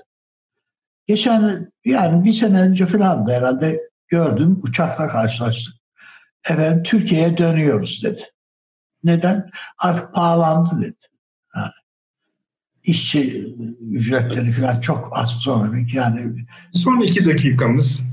Şimdi bunlara baktığınızda Çin halkı çok yüksek bir çok yüksek olmasa bile gelir seviyesi açısından belli bir çıtayı aştı. Belli bir tüketime alıştılar. Tüketim seviyesine alıştılar. Hele belli bazı ülke şehirlerde yani Şangay'da şurada burada yani e, çok basbaya zengin sınıfı var. Esaslı zenginler var yani Çin'de. E, o YouTuber'lar bilmem neler müzik adamları filan filan baktığında. Bu adamları tekrardan cendereye sokmanın arkadaş hayır yok hani bir lokma bir hırkayla hani geçinirdik ya bizi tıpkı bizim gibi. Bizi de tekrardan o kalıba sokmanın imkanı olmadığı gibi. O tüketim öyle biz çünkü şey eroin gibi yani verdin damardan gitti adam zaten. Ondan sonra e bizim çocukluğumuzda filan yaşadıklarımızı sadece masal diye anlatabiliriz biz artık. Şimdiki çocukların onları dinleyecek hali yok zaten. Çin'de de insanlar böyle. Tekrardan oraya geri dönme şansları yok. Onun için Çin o kadar ileri çıktı ki artık geriye dönemez. Daha ileri gitmek durumunda. Mevzi kazıyor diyorsun. O yüzden ben e, hocanın bu savaş muhtemel bir savaş e, şeyine e, bu manada hak veriyorum. E, ya burada Çin uzlaşıcı bir tavır sergileyecektir Amerika karşısında ya da hakikaten savaş çıkar. Peki abi. Evet. Evet, e, bence güzel bir tur oldu. E, dünya turu oldu. E, ana başlıkları da mümkün olduğu kadar değerlendirmeye, zamanımız yettiği kadar değerlendirmeye gayret ettik. Avni abi çok teşekkür ediyorum. Sağ olasın. Eksik olma. Evet. evet. Hocam sağ olun. Eksik olmayınız. Zahmet verin. Taşansı Hocam size de çok çok teşekkür ediyorum.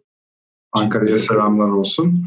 Efendim e, geceliğin biliyorsunuz ilerleyen saatlerde e, tekrarımız var. Salı akşamı inşallah yine saat 21'de buluşacağız ve tabii sosyal medyadan bütün katkılarınıza da hep bakıyoruz, bakmaya da devam edeceğiz. Size de iyi geceler diliyoruz efendim.